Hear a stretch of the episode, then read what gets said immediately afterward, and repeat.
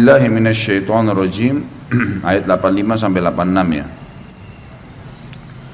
Yauma nahsyurul muttaqina ila ila rahmani wafda wa nasuqul mujrimina ila jahannama wirda.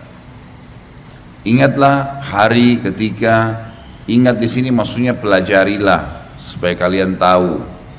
Ingatlah hari ketika kami mengumpulkan orang-orang yang bertakwa. Takwa artinya orang yang patuh dan tunduk kepada Tuhan yang Maha Pemurah sebagai pelurusan yang terhormat, artinya penyelesaian yang baik. Dan kami akan menghalau orang-orang yang durhaka ke neraka jahanam dalam keadaan dahaga. Ini dua ayat yang diangkat oleh beliau tentang masalah bagaimana nanti pembangkitan itu. Jadi orang beriman sama orang yang bermaksiat itu akan terpisah dengan sendirinya di mahsyar diatur oleh para malaikat orang-orang beriman sudah disusun semuanya dan mereka berdiri di belakang nabi mereka masing-masing. Jadi misalnya kita nanti umat Muhammad SAW di depan kita nanti ada Nabi Muhammad SAW dan orang berimannya akan tersendiri orang kafirnya akan tersendiri. Ya. karena ada hadis yang berbunyi semua nabi akan berdiri di belakangnya kaumnya. Beriman atau kafir. Semuanya maka akan terpisah dengan sendirinya. Orang-orang mukmin akan mulia dan orang-orang kafir dan juga masuk dalamnya orang yang fasik masih banyak dosanya juga terpisah sendiri. Orang-orang beriman di sini disebutkan dengan kemuliaan kata para ulama mereka tidak merasakan dahaga. Padahal pada saat itu panas, matahari cuma berapa mil saja Sementara orang-orang kafir dan orang fasik merasakan dahaga. Sebagaimana hadis eh, ayat tadi, ayat 86 dari surah Maryam ini. Ibnu Mubarak, Abdullah bin Mubarak rahimahullah seorang ulama tabi'in meriwayatkan dalam Az-Zuhud buku beliau judulnya Az-Zuhud nomor 83 dengan sanatnya dari Mujahid tentang firman Allah dan kami akan menghalau orang-orang yang durhaka ke neraka jahanam dalam keadaan dahaga. Ia mengatakan leher mereka terputus karena kehausan. Ya. jadi sampai leher mereka rusak ya. karena hausnya. Orang kalau terlalu haus tenggorokannya seperti luka ya. Dan itu sampai pada tingkat melukai leher mereka dari luar. Karena dahaganya tapi nggak mati. Ini tafsir daripada Maryam 8586 yang menandakan atau memberikan gambaran tentang keadaan manusia pada saat dibangkitkan di mahsyar. Firman Allah yang lain surah Al-Kahfi ayat 47. A'udzu billahi minasyaitonir rajim wa taral arda barizatan wa hasyarnahum falam nuqadir minhum ahada. Dan kalian akan melihat bumi itu datar dan kami kumpulkan semua manusia dan tidak kami tinggalkan seorang pun dari mereka. Berarti semua yang pernah hidup manusia, semua yang Allah ciptakan manusia, baik dia hidup dalam umur tertentu yang sudah ditentukan 50, 70, 100 tahun atau orang yang baru lahir meninggal, pokoknya sudah berbentuk manusia apalagi sudah ada ruh. Kalau kita dalam di alam kita ini adalah empat bulan di rahim ibu. Semua akan dibangkitkan. Karena yang sudah ada ruhnya empat bulan kita akan ketemu sebagaimana sudah kita sampaikan sebelumnya poster tubuhnya ya, sebesar Adam kalau laki-laki dan sebesar Hawa kalau perempuan. Walaupun dia bayi meninggal. Tetap kembali kepada poster satu. Semuanya sama. Tubuhnya. Laki-laki seperti Adam perempuan seperti Hawa. Semuanya akan ketemu. Yang dimaksud di sini kalian akan melihat bumi datar. Ini jangan lupa yang kita sudah bahas sebelumnya. Banyak orang salah faham, dianggap kiamat nanti kan hancur semua nih. Bahasa hancur yang banyak dibahas sebelumnya ya, tentang masalah kiamat kalau terjadi seperti apa. Gunung-gunung akan tercabut, bumi akan melayang seperti kapas, gitu kan? Ini sudah kena bahas semua sebelumnya maka gunung-gunung itu akan dicabut oleh Allah kemudian dibenturkan dengan bumi. Sehingga menjadi leburlah satu sama yang lain. Jadi digambarkan oleh para ulama gunung-gunung itu kecabut kemudian Allah menghantamkan kembali di tempatnya dia juga. Misal gunung Bromo nanti tercabut pada hari kiamat gitu kan? Cabut semua gunung lalu Allah Azza wa Jal buat sejarak jarak tertentu kemudian dihantamkan ke tempatnya sendiri. Tempat gunung itu dasarnya ada. Sehingga antara bumi yang berisi dengan tanah-tanah batu ini terbentur dengan gunung itu dan gunung itu jadi lebur. Dan jadilah bumi ini datar. Bumi ini datar. Dan yang dibenturkan ini yang yang yang akhirnya berlebur adalah gunung-gunung. Tidak semua lokasi di muka bumi ini termasuk kuburan kita tidak ada masalah. Gitu. Makanya orang dibangkitkan dari kuburannya nanti hari kiamat gitu. tapi sudah tidak ada bangunan satupun di muka bumi ini nggak ada gunung nggak ada pohon nggak ada bangunan apa pun rata semuanya buminya akan rata seperti Padang dalam hadis lain dikatakan seperti padang pasir yang pasirnya berwarna putih. Rata semuanya. Ini makna daripada dan kalian akan melihat bumi itu datar dan kami kumpulkan seluruh manusia dan pada saat itu semuanya dibangkitkan. Yang bayi tadi sampai yang kakek-kakek dan nenek-nenek semuanya dan tidak kami tinggalkan seorang pun dari mereka. Pasti semuanya akan bangun. Kafir, beriman, semuanya.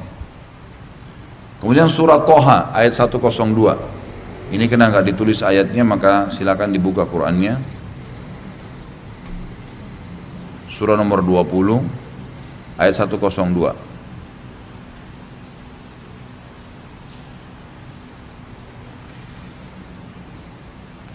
A'udzu billahi minasy syaithanir rajim.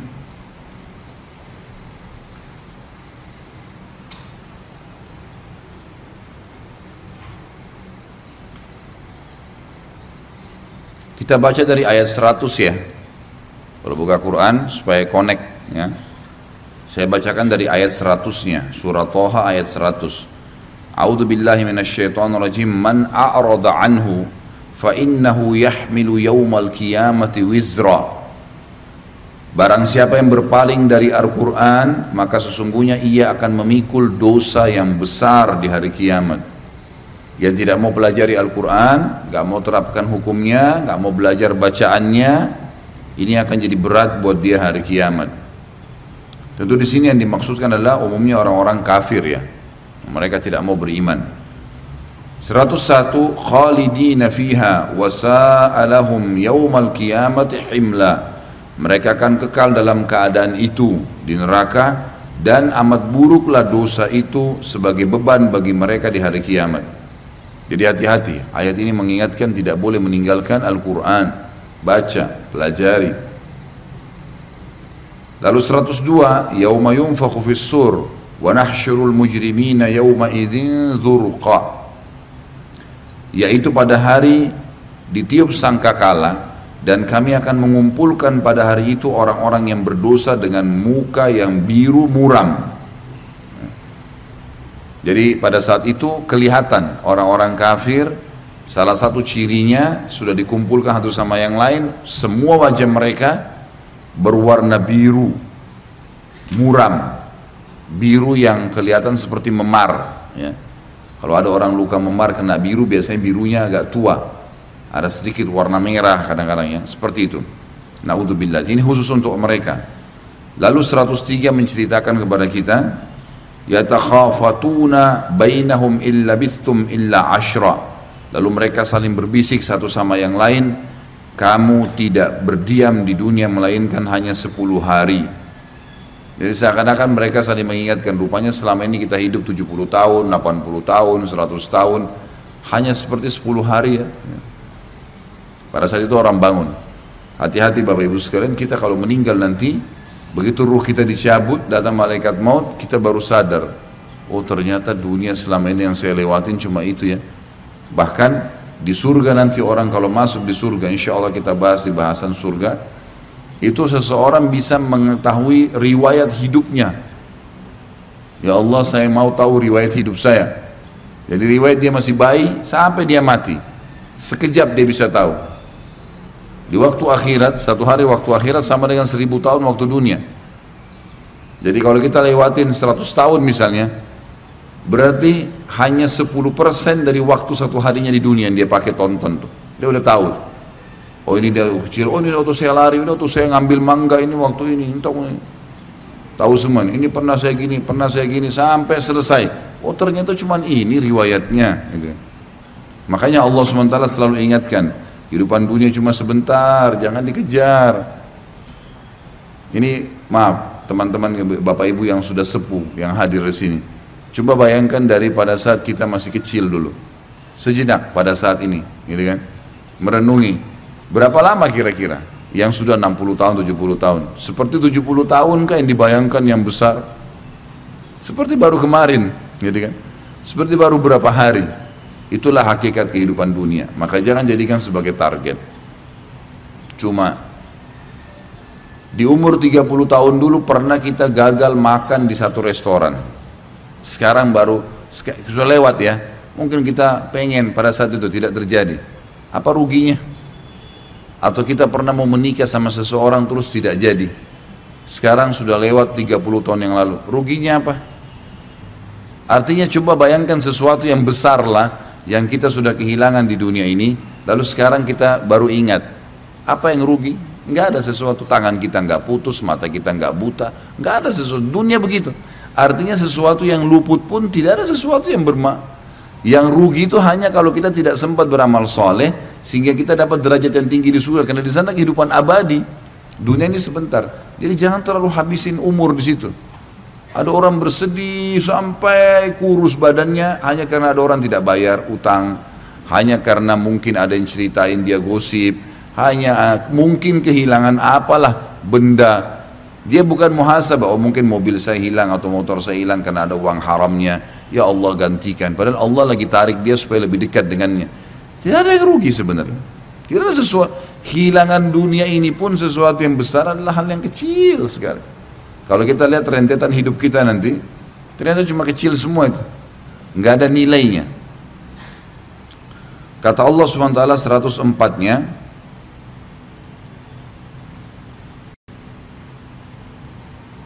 Nahnu a'lamu bima yakuluna idh yakulu amsaluhum tariqatan illa bistum illa yawma kami lebih mengetahui apa yang mereka katakan. Jadi pada saat itu mereka bisik-bisik pun Allah sudah tahu. Buktinya sekarang saja sebelum dibangkitkan di mahsyar, kita lagi duduk di sini di masjid ini, jadi tahu apa yang mereka mau bicarakan kan? Allah sudah bongkar kayak tadi, mereka akan bisik-bisik satu sama yang lain mengatakan kayaknya hidup dunia kemarin cuma 10 hari ya. Allah mengatakan, kami lebih tahu apa yang mereka bicarakan itu. Buktinya Allah sudah ceritakan pada kita sekarang. Sebelum terjadi mahsyar Allah sudah ceritain, Allah sudah tahu apa yang mereka mau ucapkan. Ketika berkata orang yang paling lurus jalannya di antara mereka, kalian tidak tinggal di dunia melainkan hanya sehari saja. Jadi pada saat mereka saling bisik, ada orang beriman di situ, orang beriman akan mengatakan, kalian tidak meninggalkan, kalian tidak tinggal di dunia kecuali hanya sehari.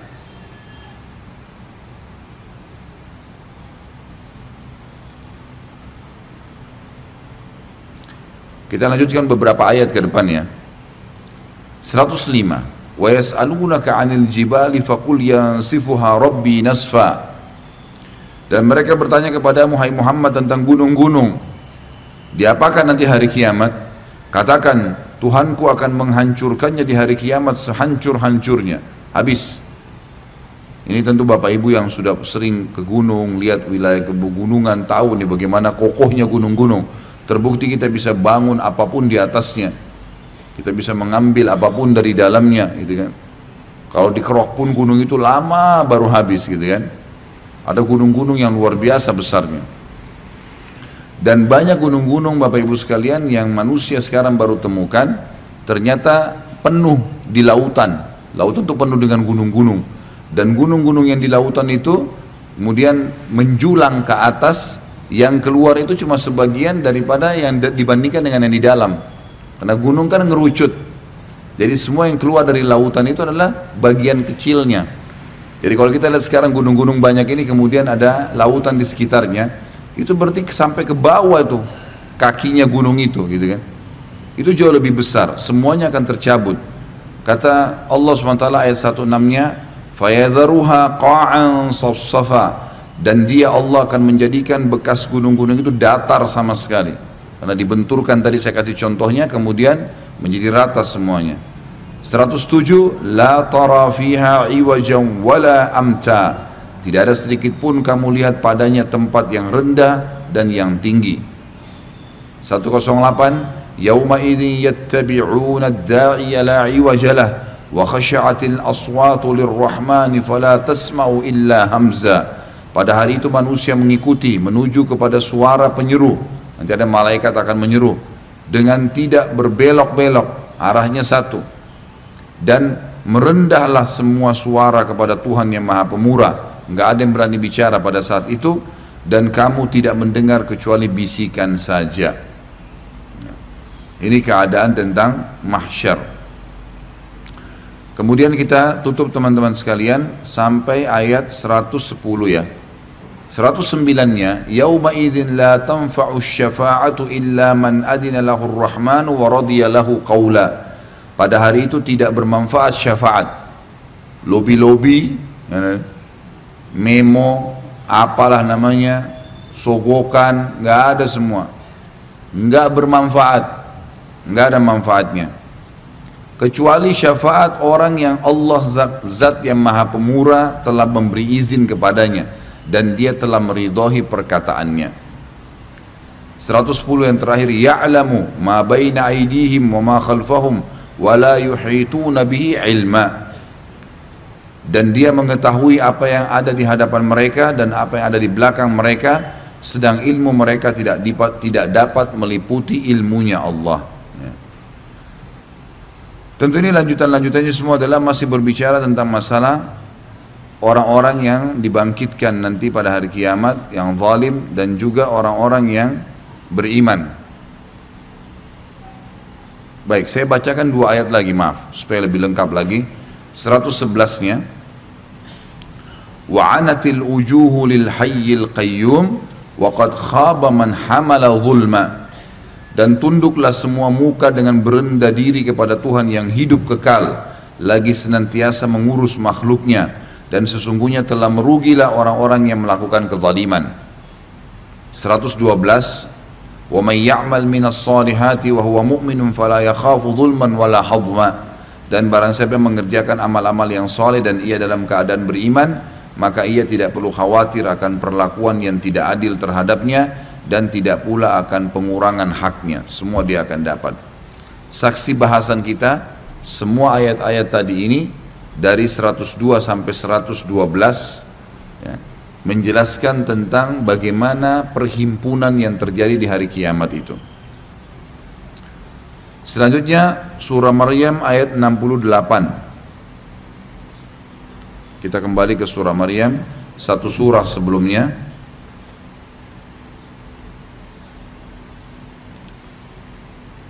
A'udzu billahi minasyaitonir rajim. فوربك لنحشرنهم والشياطين ثم لنحضرنهم حول حول جهنم جثيا Demi Tuhanmu hai Muhammad Sesungguhnya akan kami bangkitkan mereka Semua manusia Bersama syaitan Semua jin-jin Kemudian akan kami datangkan mereka Ke sekeliling jahannam dengan berlutut. Mereka akan melihat neraka dan orang-orang kafir ini sudah kita jelaskan dan orang-orang yang akan masuk ke neraka orang munafik orang musyrik mereka akan diletakkan di depan neraka jahanam dalam keadaan terlutut kemudian dirantai dan dilemparkan kita lanjutkan ayat 69-nya thumma lananzi'anna min kulli syi'atin ayyuhum ashaddu al rahmani itiya kemudian pasti kami akan tarik dari tiap-tiap golongan Siapa di antara mereka yang sangat durhaka kepada Tuhan yang Maha Pemurah? Artinya akan diambil, dilemparkan ke neraka tanpa hisap lagi. Enggak ada lagi timbangan amalnya. Orang kafir, munafik, musyrik ini masuk neraka tanpa hisap. Ayat 70, "Tsumma lanahnu a'lamu billadzina hum aula biha siniya." Dan kemudian kami sungguh lebih mengetahui orang-orang yang seharusnya dimasukkan ke dalam neraka jahanam. sampai ayat 72 kita baca ya. Ayat 71-nya wa im minkum illa wariduha kana ala rabbika hatman maqdiya dan tidak ada seorang pun dari kalian melainkan mendatangi neraka itu. Hal itu bagi Tuhan adalah suatu kemestian yang sudah ditetapkan. Maksudnya akan lewat di atasnya. Orang-orang kafir munafik musyrik dilempar langsung masuk tanpa hisab. Orang-orang beriman yang fasik masih banyak dosanya pasti lewat di atas neraka jahanam untuk dimasukkan ke neraka. Dan orang-orang beriman yang akan masuk ke dalam surga pasti lewat juga untuk mengetahui oh ternyata ini neraka. Ya. Sebagian ulama mengatakan bahkan orang-orang beriman itu bisa merasakan sebagian dari panasnya tapi tidak melukai mereka karena lewat di atasnya sehingga mereka tahu bagaimana dahsyatnya siksaan yang Allah telah ancamkan. Ayat 72 memastikan orang-orang beriman itu akan lewat kemudian mereka akan diloloskan ثم ننجي الذين اتقوا ونذر الظالمين فيها fiha. Kemudian kami akan menyelamatkan orang-orang yang bertakwa dan membiarkan orang-orang yang zalim dalam neraka dalam keadaan berlutut.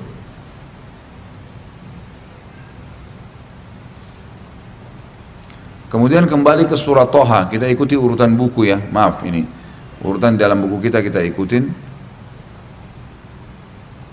Surah Toha kembali ke surah 20 ayatnya 128, 124.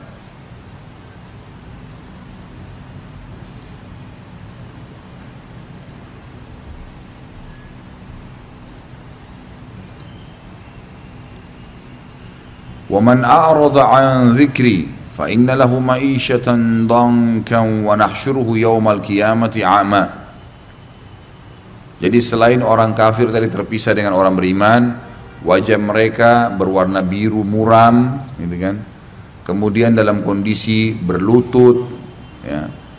Keadaan-keadaan pada saat di perhimpunan pada saat itu ya. Ada juga orang yang dibangkitkan dalam kondisi buta tidak melihat sama sekali. Dan barang siapa yang berpaling dari peringatan kata Allah peringatanku Al-Quran dan sunnah Nabi Muhammad SAW maka sungguhnya baginya kehidupan yang sempit pasti sempit hidupnya di dunia. Semua serba kurang, masalah demi masalah yang dihadapi. Dan kami akan menghimpunnya pada hari kiamat dalam keadaan buta. Ini ciri orang juga di mahsyar. Kemudian surah Isra ayat 97. A'udzu billahi rajim. وَنَحْشُرُهُمْ يَوْمَ الْكِيَامَةِ qiyamati ala wujuhim umyan wa ada juga orang dibangkitkan pada hari kiamat. Kata Allah dan kami akan mengumpulkan mereka pada hari kiamat diseret atas muka mereka. Dalam keadaan buta bisu dan pekak. Ya. ini ciri yang lain. Ada juga orang seperti itu pada hari kiamat. Tentu Bapak Ibu kalau mau menggambarkan tentang masalah buta ini kalau misalnya lagi terjadi ada musuh masuk di satu kota, di kota kita misalnya, naudzubillah, satu waktu, misal ini contoh saja. Kemudian dikepunglah kita semua ini dan setiap saat bisa dibunuh oleh musuh. Tetapi dalam kondisi mata kita buta atau mata kita ditutup dengan kain. Beda dengan kondisi orang yang terbuka. Mungkin dia masih bisa melihat, masih bisa tahu celah lari ke mana. Jadi dibangkit dalam keadaan buta ini tambahan siksaan ini. Ini rumit ini. Makanya di sini Allah sebutkan itu. Dibangkitkan dalam kondisi dia buta, ada yang tuli, ada yang pekak. Ya. Semuanya jadi nggak tahu apa yang terjadi nih. Dia tersiksa kah? Dia dilempar ke neraka kah? Dia bisa selamat kah? Tapi ini hanya terjadi bagi orang-orang kafir ya. Orang beriman tidak seperti ini. Orang beriman akan aman. Tidak ada yang buta. Ini juga sebagian ulama mengatakan bisa terjadi pada orang-orang yang fasik yang banyak sekali dosanya gitu. Lalu kita lihat surah As-Saffat ayat 22. Selanjutnya As-Saffat ayat 22.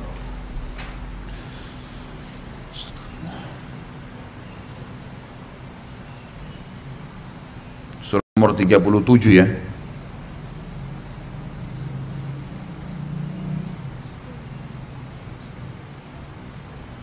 A'udzu billahi minasyaitonir rajim.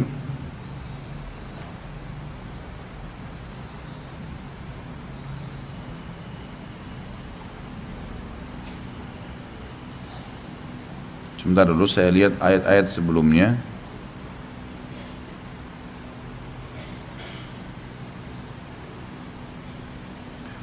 Baik, kita mulai baca dari ayat 21.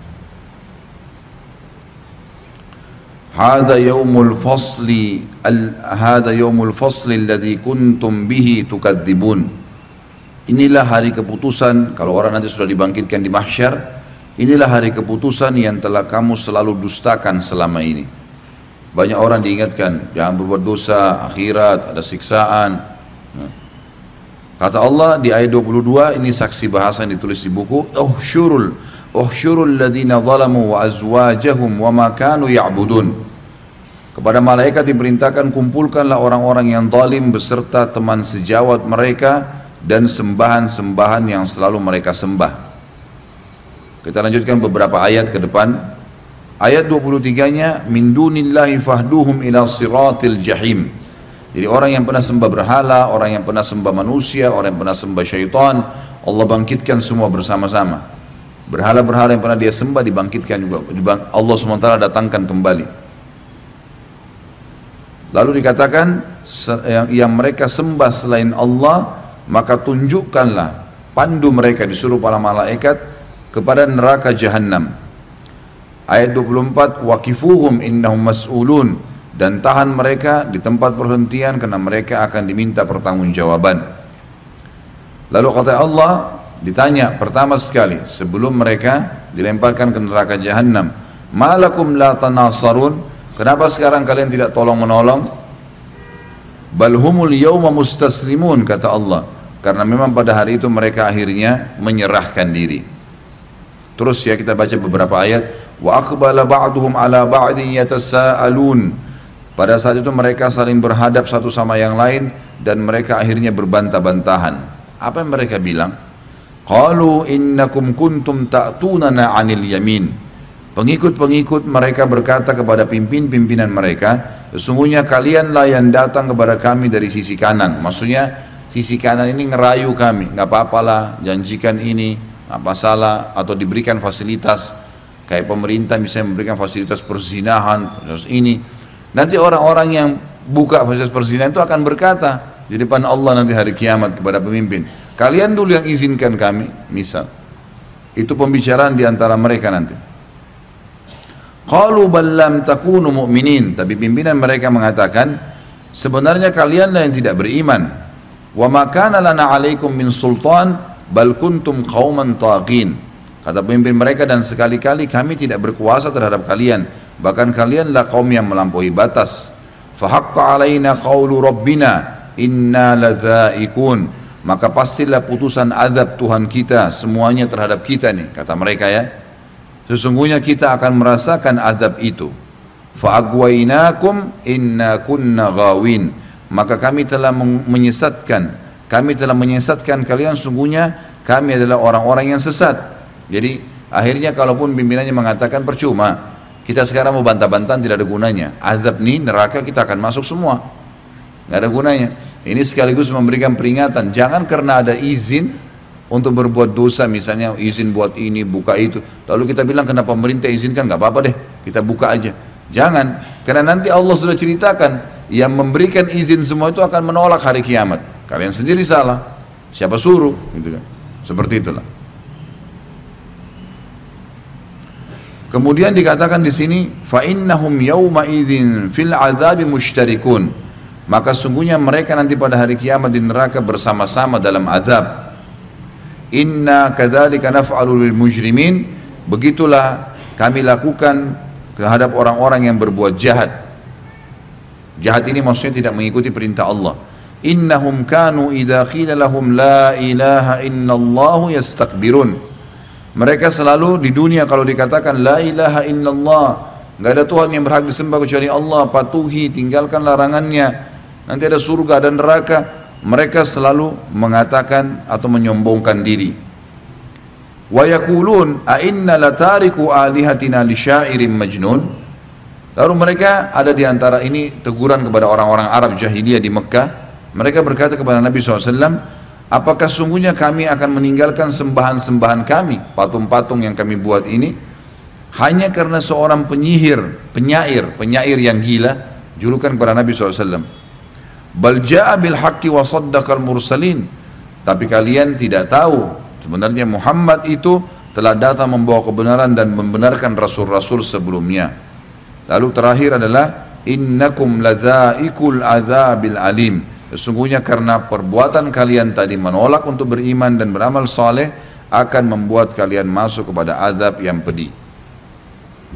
Ayat demi ayat Allah subhanahu wa ta'ala menggambarkan tentang keadaan di mahsyar.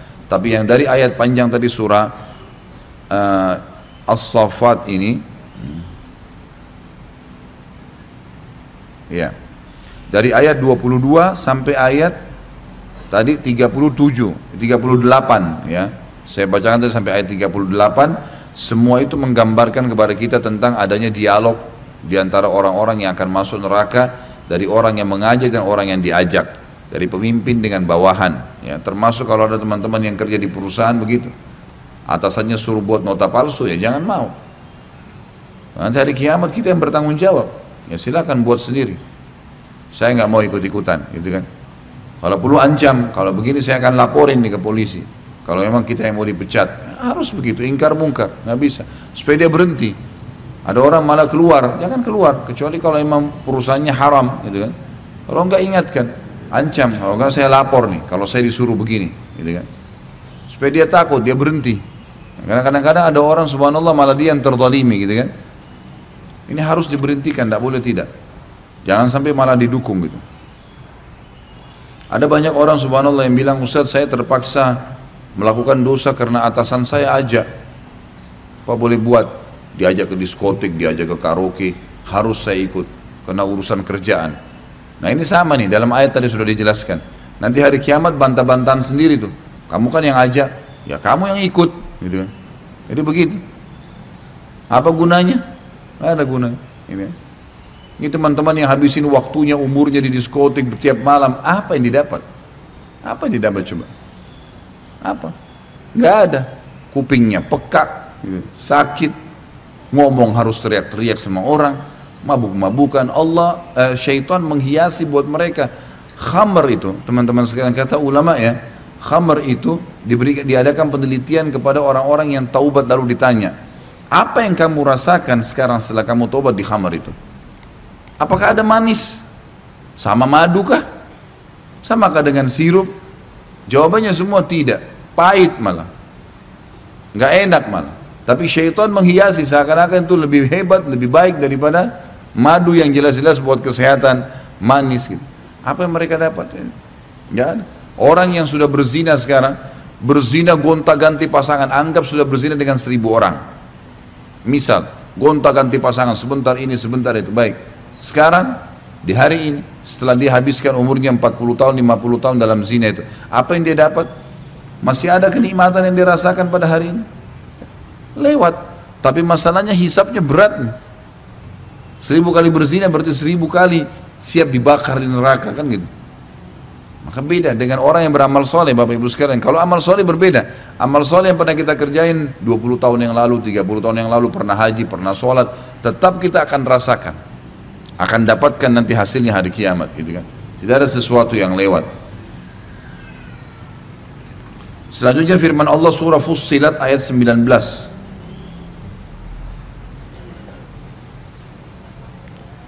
Iya, surah nomor 41 berdekatan semua kok ini.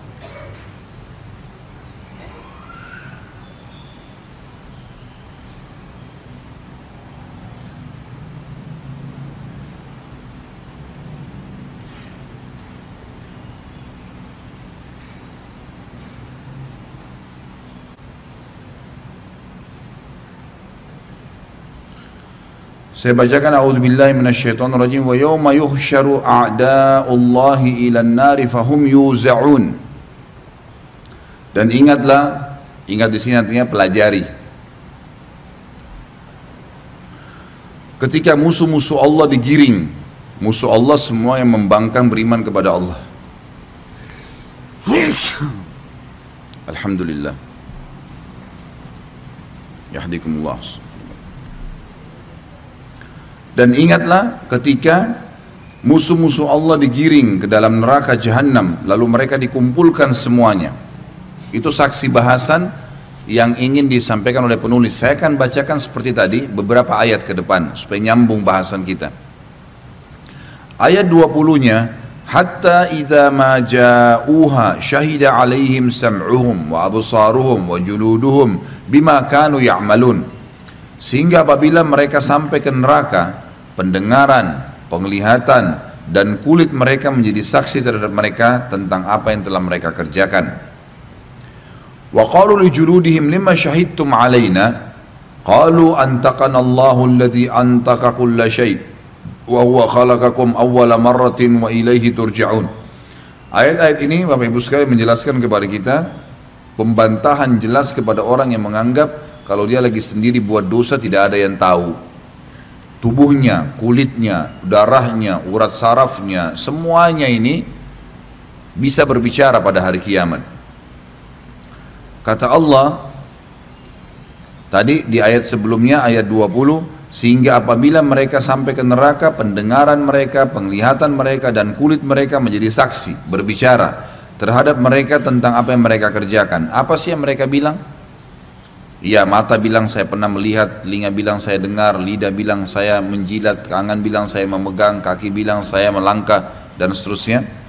Lalu orang ini berkata kepada kulitnya sendiri, dia bicara dengan kulitnya. Dan mereka berkata pada kulit mereka, wa qalu li juludihim mimma syahidtum alaina. Maka kulit mereka menjawab, Allah lah yang telah menjadikan segala, membuat kami berbicara, yang telah menjadikan segala sesuatu berbicara dan dialah yang menciptakan kamu. Kulitnya bicara. Dia yang telah menciptakan kamu. Pertama kali dan hanya kepadanya lah kamu akan dikembalikan.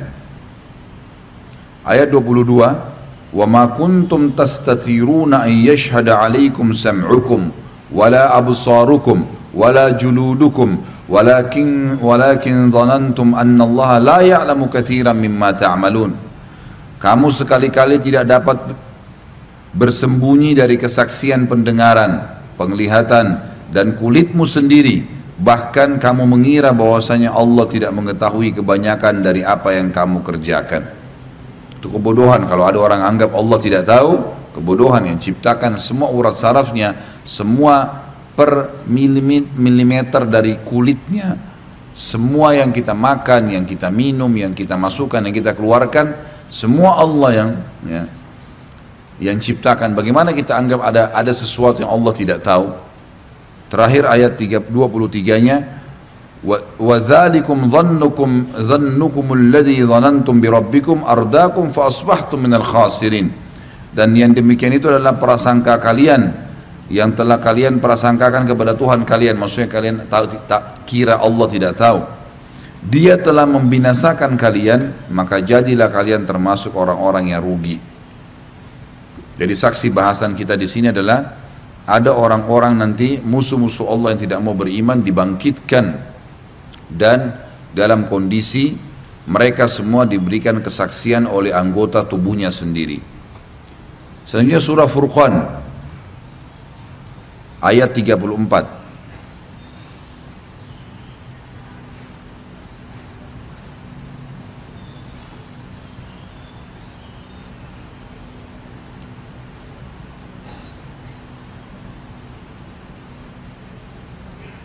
Sudah ketemu surah nomor berapa?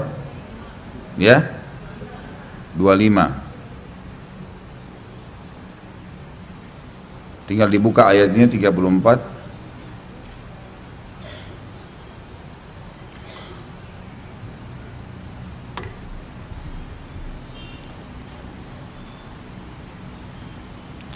أعوذ بالله من الشيطان الرجيم الذين يحشرون على وجوههم إلى جهنم أولئك شر مكانا وأضل سبيلا dan orang-orang yang dihimpunkan ke neraka jahanam dengan diseret atas muka-muka mereka mereka itulah orang-orang yang paling buruk tempatnya dan paling sesat jalannya itu semua ayat-ayat Al-Quran yang menceritakan tentang sifat perhimpunan pada hari kiamat kita sekarang masuk ke hadis Nabi SAW yang menjelaskan tentang masalah pembangkitan ini. Di dalam sebuah hadis yang diriwayatkan oleh Imam Bukhari dan Imam Muslim, Ibnu Abbas radhiyallahu anhu mengatakan Rasulullah SAW berdiri di tengah-tengah kami untuk memberikan nasihat. Seraya beliau bersabda, Ayuhan nas, innakum mahsyuruna ila hufatan, uratan, gurla. كما بدأنا أول خلق نعيده وعدا علينا إنا كنا فاعلين. ألا وإن أول الخلائق يكسى يوم القيامة إبراهيم عليه السلام. ألا وإنه سيجاء برجال من أمتي فيؤخذ بهم ذات ذات الشمال. فأقول يا ربي أصيحابي. فيقال إنك لا تدري ما أحدث بعدك. فأقول كما كما قال العبد الصالح وكنت عليهم شهيدا ما دمت فيهم فلما توفيتني كنت أنت الرقيب عليهم وأنت على كل شيء شهيد itu syahidnya dalam bahasa Arab dihapus yang satu ya ada dua di situ bisa lihat bukunya yang pegang buku dalam ayat itu ayat Al-Quran ala kulli syai'in syahid syahidnya ada dua kan dicoret yang satunya sudah? In tu'adzibhum fa innahum ibaduk wa in takfir lahum fa innaka antal azizul hakim. Wahai manusia sesungguhnya kalian akan dikumpulkan kata Nabi SAW kepada Allah pada hari kiamat dalam keadaan telanjang kaki tanpa busana lagi tak berkhitan. Jadi semua kita dibangkitkan dalam kondisi memang tidak berbusana ada riwayat lain menjelaskan Aisyah sempat mengatakan ya Rasulullah kalau begitu laki-laki perempuan akan saling lihat satu sama yang lain. Maka kata Nabi SAW, wahai Aisyah, pada hari itu bukan seperti yang kau bayangkan. Nggak ada lagi waktu orang mau lihat auratnya orang lain. Di hari kiamat sudah nggak ada. Jangankan hari kiamat, sekarang kalau kondisi Jakarta lagi diserang sama musuh, di sana sini orang pegang pedang, main ditebas saja orang yang lewat. Ada orang lari telanjang. Bapak Ibu masih sempat lihat auratnya? Hah? atau ada kebakaran, ada gempa. Udah nggak terfikir karena orang terfikir untuk berbuat dosa itu kalau lagi santai, lagi nggak ada masalah. Nah itu baru buat dosa. Makanya kita disuruh mengisi waktu dengan kegiatan-kegiatan ibadah.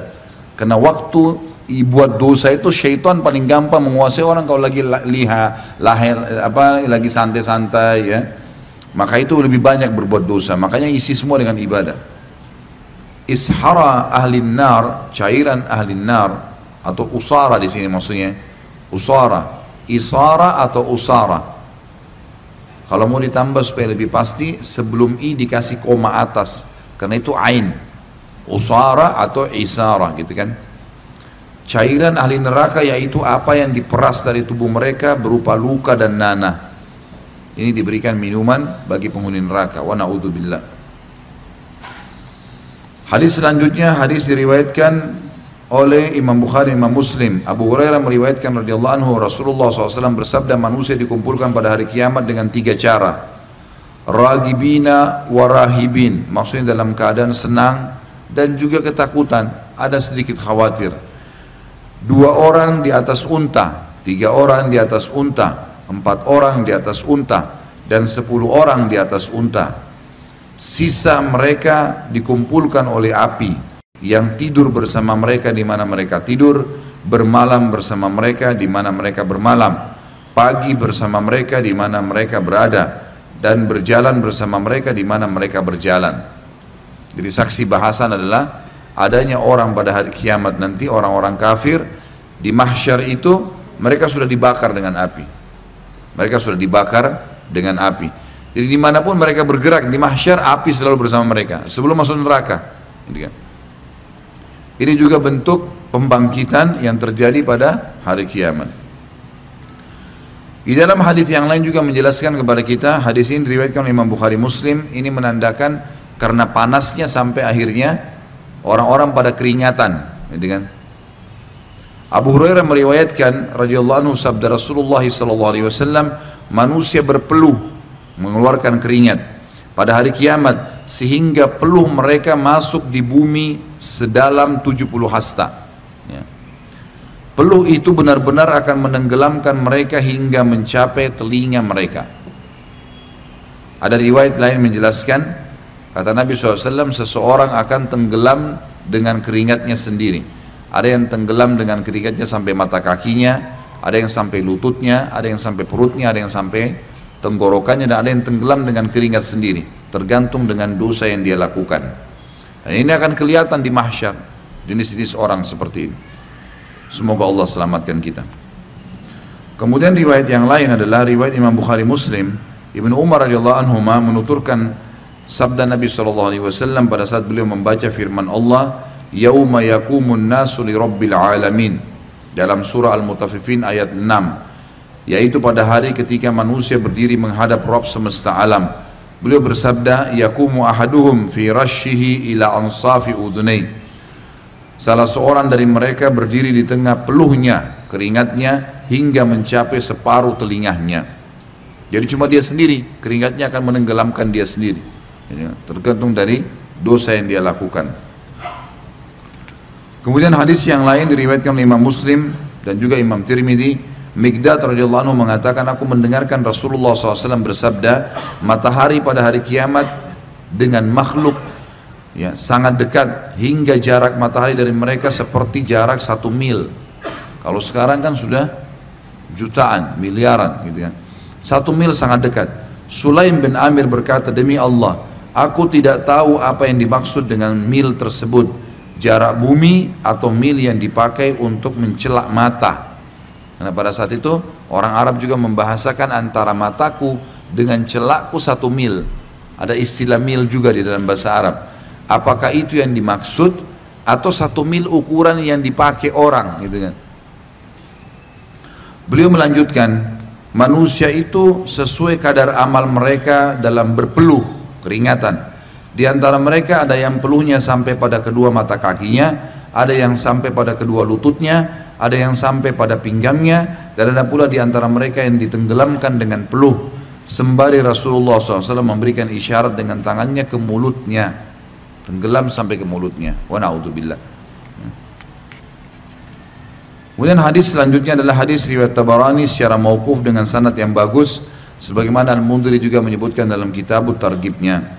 Abdullah bin Mas'ud radhiyallahu anhu mengatakan, bumi seluruhnya menjadi neraka pada hari kiamat dan surga di hadapannya dengan gadis-gadisnya dan piala-pialanya, maksudnya pelayan-pelayannya ya.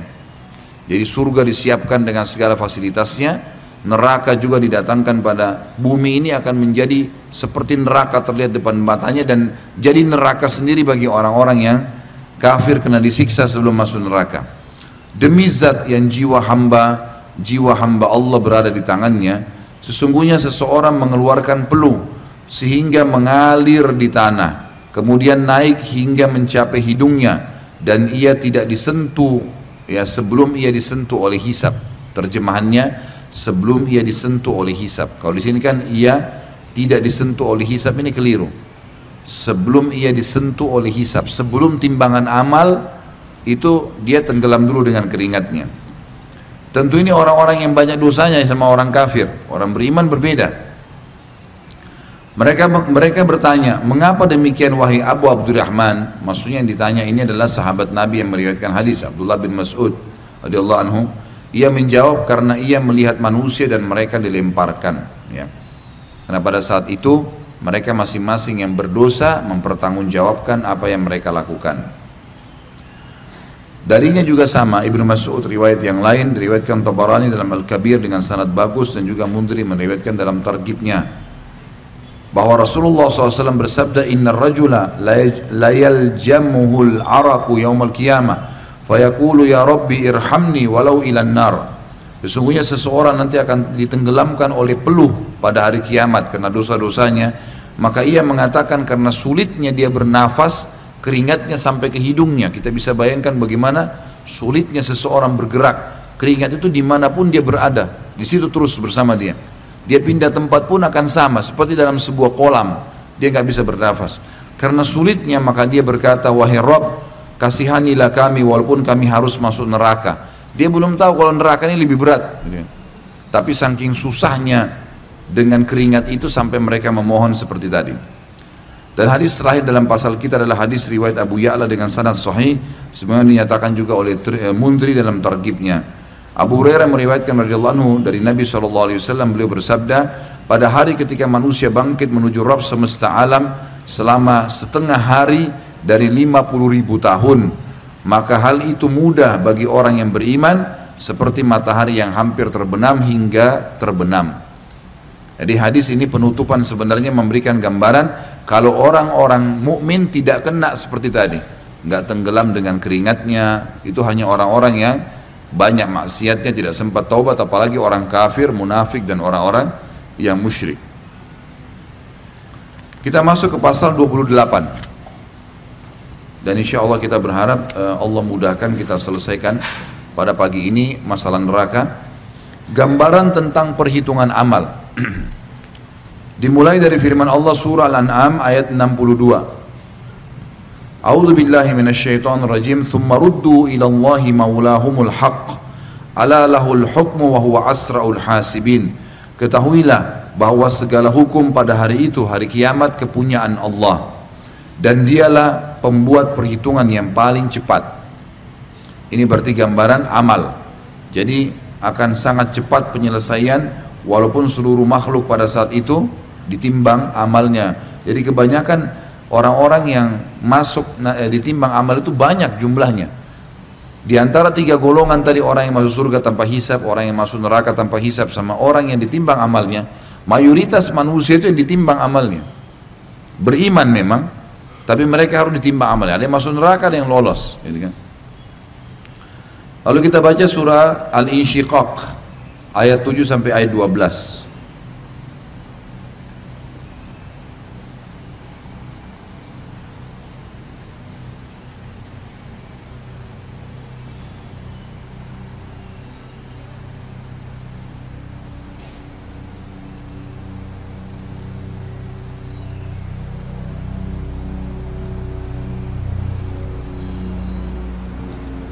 Insyikak itu 84 ya. Surah 84 Ayat 7 sampai ayat 12 Tapi saya bacakan dari ayat 1 Al-Insyiqaq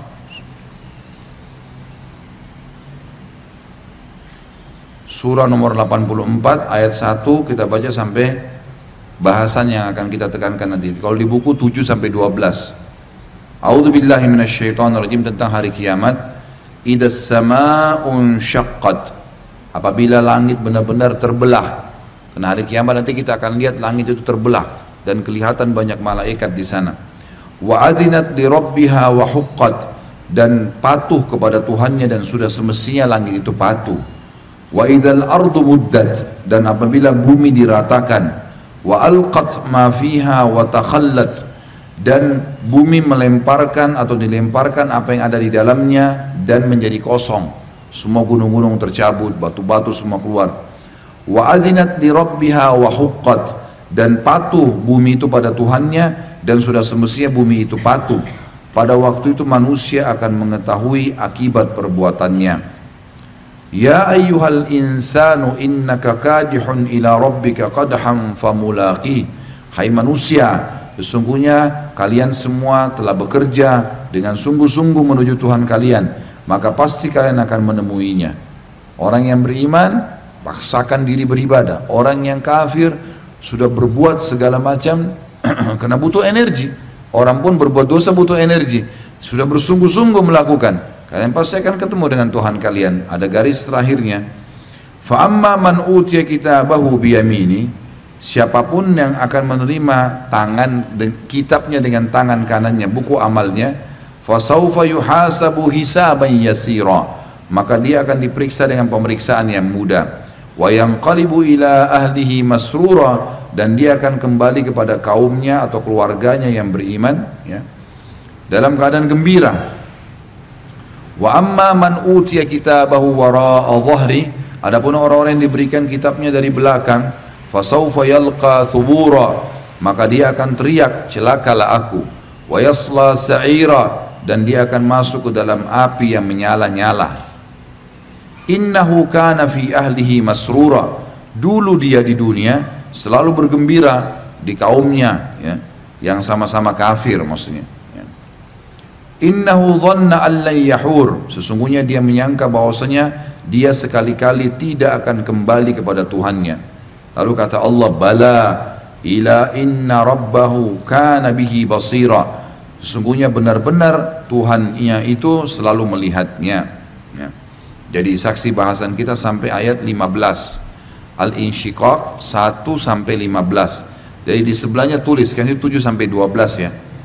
Tulis tambahan 1 sampai 15. Sekarang kita baca surah Al-Haqqah ayat 18 sampai 29 sesuai dengan buku kita tapi nanti kita lihat sebentar ya.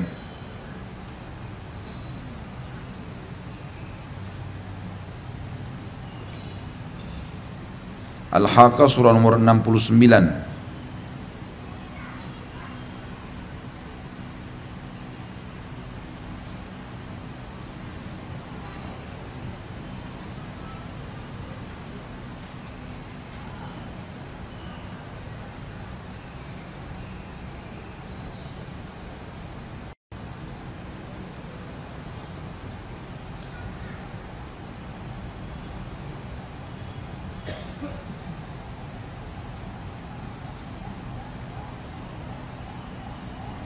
Baik. Kita baca dari ayat 13-nya. Dilihat ayat 13, Al-Haqqah ayat 13. A'udzu billahi minasyaitonir rajim fa idza nufikha fis suri nafkhatun wahidah maka apabila sangkakala ditiup dengan satu kali tiupan wa humilatil ardu wal jibalu fadukkata dakkatan wahidah dan diangkatlah bumi dan gunung-gunung lalu dibenturkan keduanya sekali benturan fayauma idzin waqa'atil waqi'ah. Dan pada hari itu terjadilah hari kiamat. Wa insyaqqatis sama'u fahiya yauma idzin wahiyah. Dan terbelahlah langit karena pada hari itu langit menjadi lemah. Wal malaku ala arjaiha wa yahmilu arsya rabbika fawqahum yauma idzin thamaniyah. Dan malaikat-malaikat berada di penjuru-penjuru langit. Dan pada hari itu delapan malaikat menjunjung arsh Tuhan kalian atau Tuhanmu hai Muhammad di atas kepala mereka. Yauma idzin tu'raduna la takhfa minkum khafiyah. Pada hari itu kalian semua akan dihadapkan kepada Tuhan kalian. Tidak ada sesuatu pun dari keadaan kalian yang tersembunyi bagi Allah. Utiya kitabahu biyaminihi fayaqulu ha umqra'u kitabiyah Adapun orang-orang yang diberikan kitabnya dengan tangan kanannya atau di sebelah kanannya, maka ia berkata, ambillah dan bacalah kitabku ini. Dia bangga dengan itu karena tahu dia akan lolos.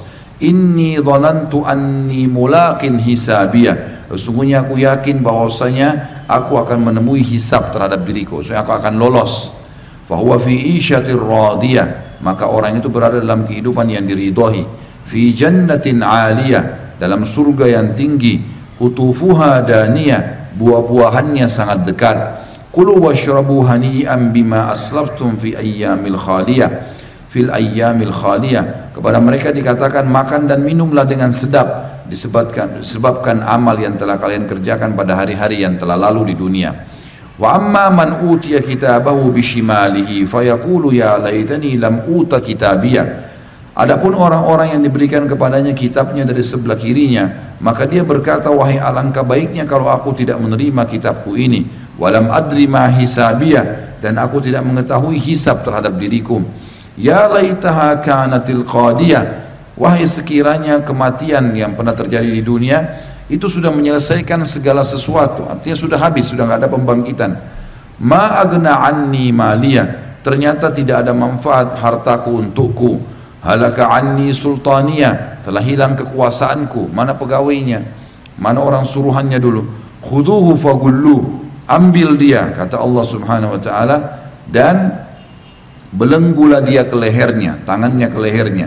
Thummal jahima sallu. Kemudian masukkan dia ke dalam api neraka yang menyala-nyala. Thumma fi silsilatin dhar'uha sab'una dhira'an fasluku. Kemudian belitlah dia dengan rantai yang panjangnya 70 hasta Terakhir, innahu kana la yu'minu billahil azim wa la yahuddu ala tu'amil miskin.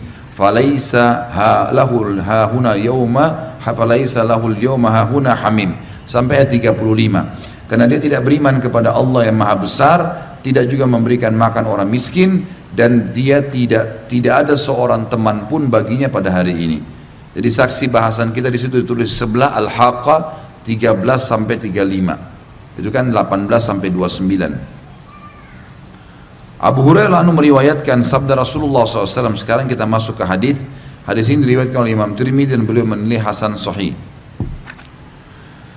لا تزول قدم عبد يوم القيامة حتى يسأل عن أربعة عن أمره فيما أفناه وعن علمه ماذا عمل به وعن ماله من أين اكتسبه وفيما أنفقه وعن جسمه فيما أبلاه tidak tergelincir kedua kaki seorang hamba tidak akan berpindah berpijak kaki seorang hamba pada hari kiamat kecuali ditanya padanya empat perkara. Yang pertama tentang umurnya untuk apa ia habiskan. Waktu kita keseharian menit-menit detik demi detik apa yang kita lakukan? Bermanfaatkah? Diperintahkankah? Jauhi yang dilarangkah oleh Allah? Itu semua pertanggungjawaban tentang ilmunya apa yang telah dia lakukan. Sudah pernah belajar sudah tahu tentang sholat tentang puasa sudah diamalin belum? Yang ketiga tentang hartanya dari mana dia dapatkan sumbernya halal gak dan untuk apa dia nafkahkan? Manfaatnya ada? Ya. serta tentang tubuhnya untuk apa ia pergunakan? Kesehatan yang Allah kasih tangannya kakinya semuanya anggota tubuhnya itu ke mana dia gunakan ini menandakan memang akan ada ya hisab ya. Di hisab itu masuk dalamnya tentang anggota tubuhnya sendiri sebelum berbicara tentang hubungan dia dengan makhluk yang lain atau manusia yang lain. Selanjutnya hadis riwayat Bukhari dan riwayat Imam Muslim Aisyah radhiallahu anha meriwayatkan sabda Nabi SAW barang siapa yang dikeluarkan barang siapa yang dikeluarkan hisabnya maka ia akan diazab maksudnya siapa yang jelas-jelas hisapnya lebih berat amal buruk dari amal baiknya maka dia pasti disiksa. Aku bertanya bukankah Allah berfirman kata Aisyah adapun orang yang diberikan kitabnya dari sebelah kanannya maka ia akan diperiksa dengan pemeriksaan yang mudah dan dia akan kembali kepada kaumnya yang sama-sama beriman dengan gembira. Insyiqaq ayat 7 sampai 9 beliau menjawab sallallahu alaihi wasallam itu adalah al-ard penyampaian. Dan tidak ada seorang pun yang dihisap pada hari kiamat melainkan ia binasa Maksudnya kalau ada orang terima dengan tangan kanannya berarti pasti orang itu selamat. Udah. Udah pasti selamat. Enggak ada lagi hisap. Yang dimaksud nanti dia akan dihisap dengan mudah adalah maksudnya dia akan ya dilihatkan bukunya lalu jalan. Udah. Ada orang nanti yang terima bukunya dengan tangan kiri. Ini pasti masuk ke neraka. Ada orang yang terima bukunya dengan belakang di punggungnya. Ini adalah orang-orang beriman yang masih punya dosa, dihisap lagi, ditimbang amalnya. Jadi perbedaannya itu, tangan kanan, tangan kiri, dan juga orang yang terima dari belakang punggungnya. Tapi saksi bahasan kita adalah akan ada hisap. Siapa yang dihisap, maka dia sangat terancam untuk binasa, gitu kan. Karena bisa lolos masuk ke neraka, jelas. Dalam riwayat yang lain riwayat Bukhari dan Muslim, Aisyah radhiallahu meriwayatkan juga bahwa ia mengatakan Rasulullah SAW bersabda, berlaku benarlah, saling dekatlah dan berikanlah kabar gembira. Maksudnya lakukan perbuatan yang Allah perintahkan, saling dekat itu maksudnya saling peringatkan dan beritakan berita gembira. Kalau sholat dapat ini, kalau puasa dapat ini, amal-amal soleh. Karena yang memasukkan seseorang ke dalam surga bukanlah amalnya. Mereka bertanya, termasuk engkau wahai Rasulullah? Beliau menjawab, termasuk aku. Hanya saja Allah meliputiku dengan rahmatnya. Jadi password untuk masuk surga, rahmat Allah. Menentukan derajat di surga dan menyelamatkan di timbangan amal adalah amal soleh. Saksi bahasan kita di sini adalah orang masuk ke surga dengan rahmat Allah Subhanahu wa taala ini termasuk bentuk dalam hisab. Nah, kita bicara masalah hisab. Kemudian hadis yang selanjutnya riwayat Imam Muslim dan Imam Tirmidzi. Abu Hurairah radhiyallahu anhu meriwayatkan sabda Rasulullah SAW, kalian benar-benar akan menunaikan hak-hak kepada orang yang berhak menerimanya pada hari kiamat, sehingga dibalas dibalaskan untuk kambing yang tidak bertanduk dari kambing yang bertanduk. Hadis ini memberikan gambaran kepada kita kalau binatang pun akan dibangkitkan. Dan Allah Azza wa akan menghisap tak kambing yang menanduk ya itu akan dihisap oleh Allah kenapa dia menanduk yang sedang tertanduk. Walaupun sebagian ulama mengatakan hewan-hewan ini dengan kuasa Allah setelah dibangkitkan dihisap mereka akan dimusnahkan oleh Allah. Karena sudah tidak ada lagi ya e, tempat buat mereka, gitu kan. Yang jelas saksi bahasan kita ternyata Allah Azza wa dalam hisap amal bukan hanya manusia sampai hewan antara hewan dengan hewan pun ada hisapnya. Hadis selanjutnya hadis riwayat Imam Ahmad dengan sanad hasan sebagaimana juga Mundri menyebutkan dalam targibnya Abu Hurairah anu meriwayatkan sabda Nabi SAW la yakhtasimanna kullu syai'in yawmal qiyamah hatta syatani fi man ta fi man tataha fi man ta fi man tatahata Segala sesuatu benar-benar akan berbantah-bantahan pada hari kiamat hingga dua ekor kambing tentang perkara tanduk menanduk. Semua akan ada hisapnya. Hadis selanjutnya hadis riwayat Abu Ya'la dengan sejumlah sanad dan salah satunya bagus artinya bisa diterima dan Mundri juga menyebutkan hadis ini dalam kitab targibnya. Ummu Salamah radhiyallahu anha menuturkan Rasulullah SAW suatu hari pernah berada di rumahku dan tangannya memegang siwak. Lalu beliau memanggil dayangnya atau pelayan Ummu Salamah hingga tampak kemarahan di wajahnya. Maksudnya pelayan ini rupanya tidak datang ya. Kemudian Ummu Salamah pergi ke kamar ternyata menjumpai pelayan tersebut sedang bermain batu. Maka Ummu Salamah mengatakan mengapa aku melihatmu bermain-main dengan batu itu? Padahal Rasulullah SAW memanggilmu. Ia menjawab kepada Rasulullah SAW tidak demi zat yang mengutusmu dengan hak aku tidak mendengarmu. Rasulullah SAW bersabda seandainya bukan karena kisos ya niscaya aku telah memukulmu dengan kayu siwak ini. Saksi bahasan kita adalah ada hisab ya. Di sini sampai Nabi SAW kisos maksudnya hukuman ya. Hukuman di dunia kalau bukan karena kisos, akhirnya kalau saya pukul kamu, saya juga harus dipukul, maka saya akan pukul kamu karena kamu tidak menjawab, gitu kan? Tapi di sini ulama memasukkan hadis ini dalam masalah hisab, artinya kalau sampai seseorang sengaja mendengar orang lain manggil, apalagi orang itu punya hak terhadap dia dan dia tidak mau datang, misal anak dipanggil oleh orang tuanya, bawahan dipanggil oleh atasannya, ada hak mereka. Karena kita terikat, gitu kan? Maka pastilah hari kiamat akan ada hisab. Kenapa dia nggak datang? Kenapa dia nggak jawab? Gitu ya. Semua itu akan ada hisabnya. Hadis selanjutnya riwayat Bazzar dan Tabarani dengan sanad Hasan.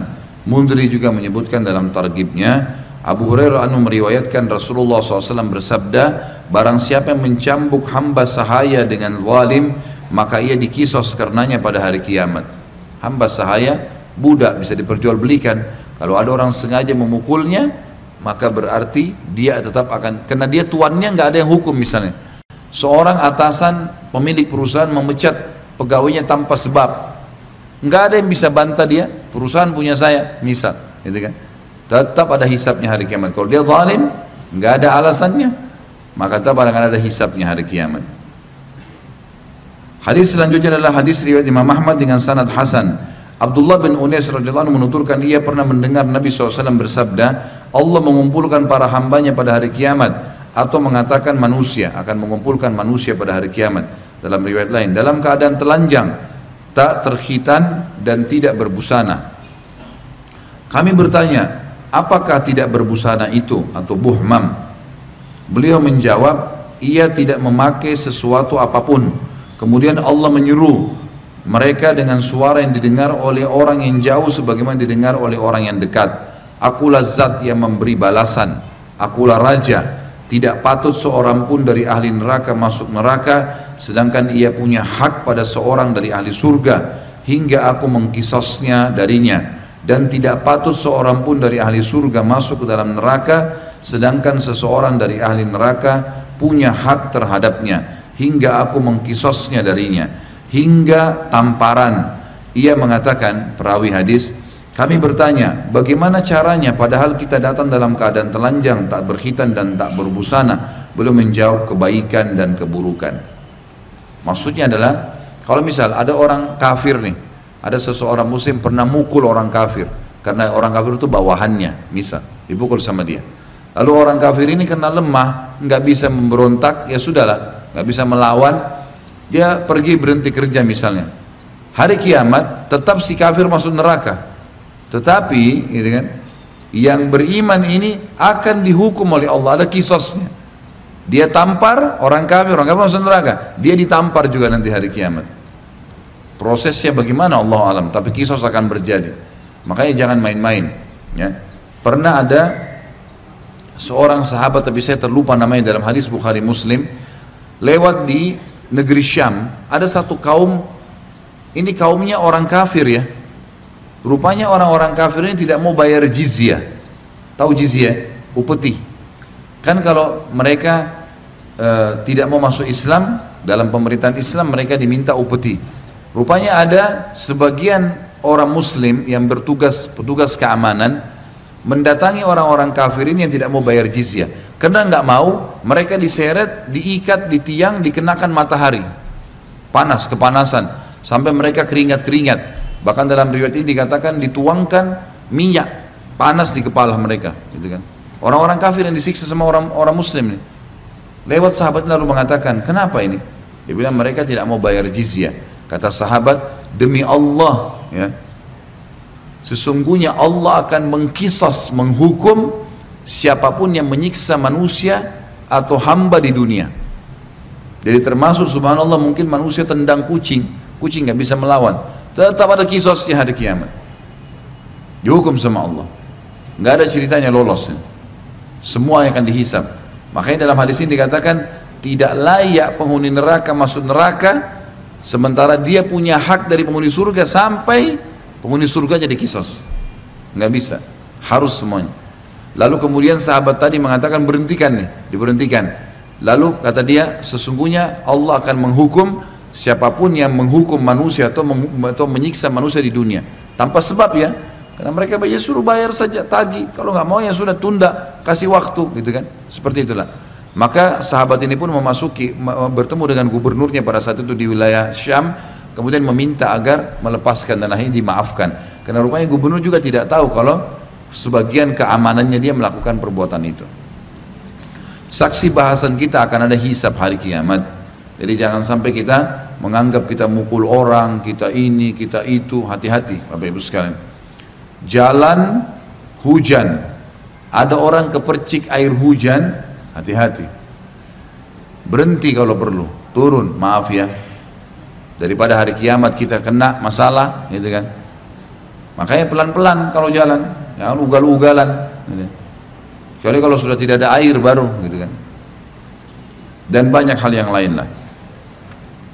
Selanjutnya hadis Nabi SAW riwayat Imam Muslim dan Imam Tirmidzi Abu Hurairah radhiyallahu anhu meriwayatkan sabda Rasulullah SAW atadruna manil muflis qalu al muflisu fina man la dirham lahu mata' قال المفلس من أمة من يأتي يوم القيامة بصلاة وصيام وزكاة ويأتي وقد شتم هذا وقذف هذا وأكل مال هذا وسفك دم, دم هذا وضرب هذا فيقضى هذا من حسناته وهذا من حسناتي فإن فنيت حسناته قبل أن يقضي ما عليه أخذ من خطاياهم فطرحت عليه ثم طرح في النار.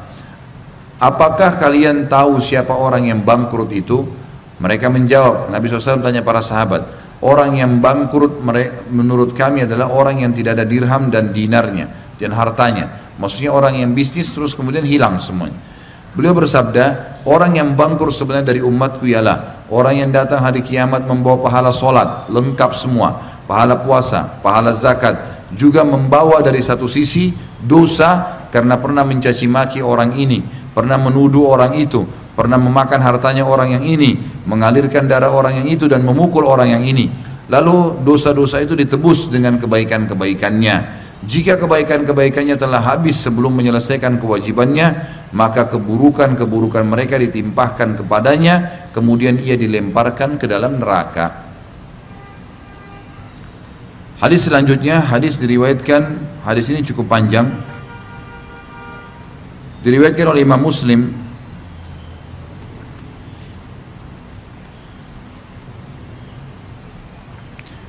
Nabi SAW bersabda dari Abu Hurairah anhu mereka bertanya wahai Rasulullah apakah kami akan melihat Rob kami pada hari kiamat Beliau balik bertanya, apakah kalian kesulitan melihat matahari di tengah hari yang tidak berawan? Mereka menjawab tidak. Beliau bertanya lagi, apakah kalian kesulitan melihat bulan di malam purnama yang tidak berawan? Mereka menjawab tidak. Beliau, bersabda, demi zat yang jiwaku berada di tangannya, kalian tidak kesulitan melihat Rabb kalian sebagaimana kalian tidak kesulitan melihat salah satu dari keduanya, bulan atau matahari tadi, tanpa awan. Lalu hamba berjumpa dengan Robnya dan dia bertanya, wahai fulan, bukankah aku memuliakanmu, menjadikanmu sebagai pemimpin, menikahkanmu, menundukkan untukmu kuda dan unta, serta membiarkanmu menjadi pemimpin dan mengambil bagian seperempat dari rampasan perang? Ia menjawab, iya wahai Robku. Dia bertanya lagi, Allah bertanya, apakah kamu yakin bahwa aku kamu akan berjumpa denganku? Ia menjawab, tidak. Lalu dia berfirman, sungguhnya aku melupakanmu pada hari ini sebagaimana kau melalaikanku. Kemudian dia berjumpa Allah dengan yang kedua. Maka dia pun bertanya, wahai fulan, bukankah aku memuliakanmu, menjadikanmu sebagai pemimpin, menikahkanmu, menundukkan untukmu kuda dan unta, serta membiarkanmu menjadi pemimpin dan mengambil bagian seperempat dari rampasan perang? Ia menjawab, ya wahai Robku. Dia bertanya, apakah kamu yakin bahwa kamu akan berjumpa denganku? Ia menjawab, tidak. Dia berfirman, sungguhnya aku melupakanmu pada hari kiamat sebagaimana kamu, kalian atau kalian melalaikanku atau kamu melalaikanku. Kemudian dia berjumpa dengan yang ketiga, maka dia bertanya lagi, wahai fulan, bukankah aku memuliakanmu, menjadikanmu sebagai pemimpin, menikahkanmu, menundukkan untukmu kuda dan unta serta membiarkanmu menjadi pemimpin dan mengambil bagian seperempat dari rampasan perang? Ia menjawab iya wahai Rabbku lalu dia bertanya Allah apakah kamu yakin bahwasanya engkau akan berjumpa denganku? Yang menjawab wahai Rabbku aku beriman kepadamu kitabmu dan rasul-rasulmu aku sholat, berpuasa, bersadaqah dan memuji kebaikan menurut kemampuan ya. dia berfirman Allah di sini kalau begitu kemudian dia berfirman sesungguhnya ya, atau sekarang kami akan mengutus saksi atasmu. Ia berpikir dalam hatinya siapa yang akan menjadi saksi atasnya. Lalu mulutnya dikunci dan ditanyakan kepada pahanya berbicaralah. Maka pahanya, paha, daging dan tulangnya berbicara tentang amalnya. Hal itu agar ia tidak bisa membuat alasan terhadap dirinya. Itulah munafik dan itulah orang-orang yang dibenci oleh Allah.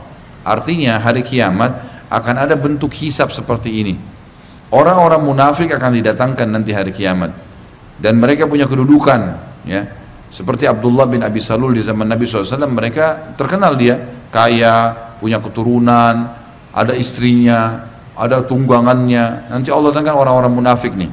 Sampai sekarang banyak orang-orang munafik itu yang Allah bukakan bagi mereka rezeki. Nanti hari kiamat didatangkan lalu ditanya apakah kamu saya fulan saya sudah nikahkan kamu saya sudah berikan berikan berikan berikan. Apa kau ya tahu itu? Dia bilang iya. Apa kau yakin ketemu sama saya? Tidak. Berarti Allah SWT tinggalkan dia. Sampai tiga orang berdekatan orang munafik ini orang ketiga sudah lihat dua orang temannya yang tadi ya dilupakan sama Allah. Maka dia dusta. Dia bilang iya saya sholat saya puasa saya begini saya begitu. Ya karena dia tahu tadi jawaban dua temannya tidak yakin. Dan saya yakin akan bertemu denganmu. Maka Allah menyatakan saksi yaitu dirinya sendiri.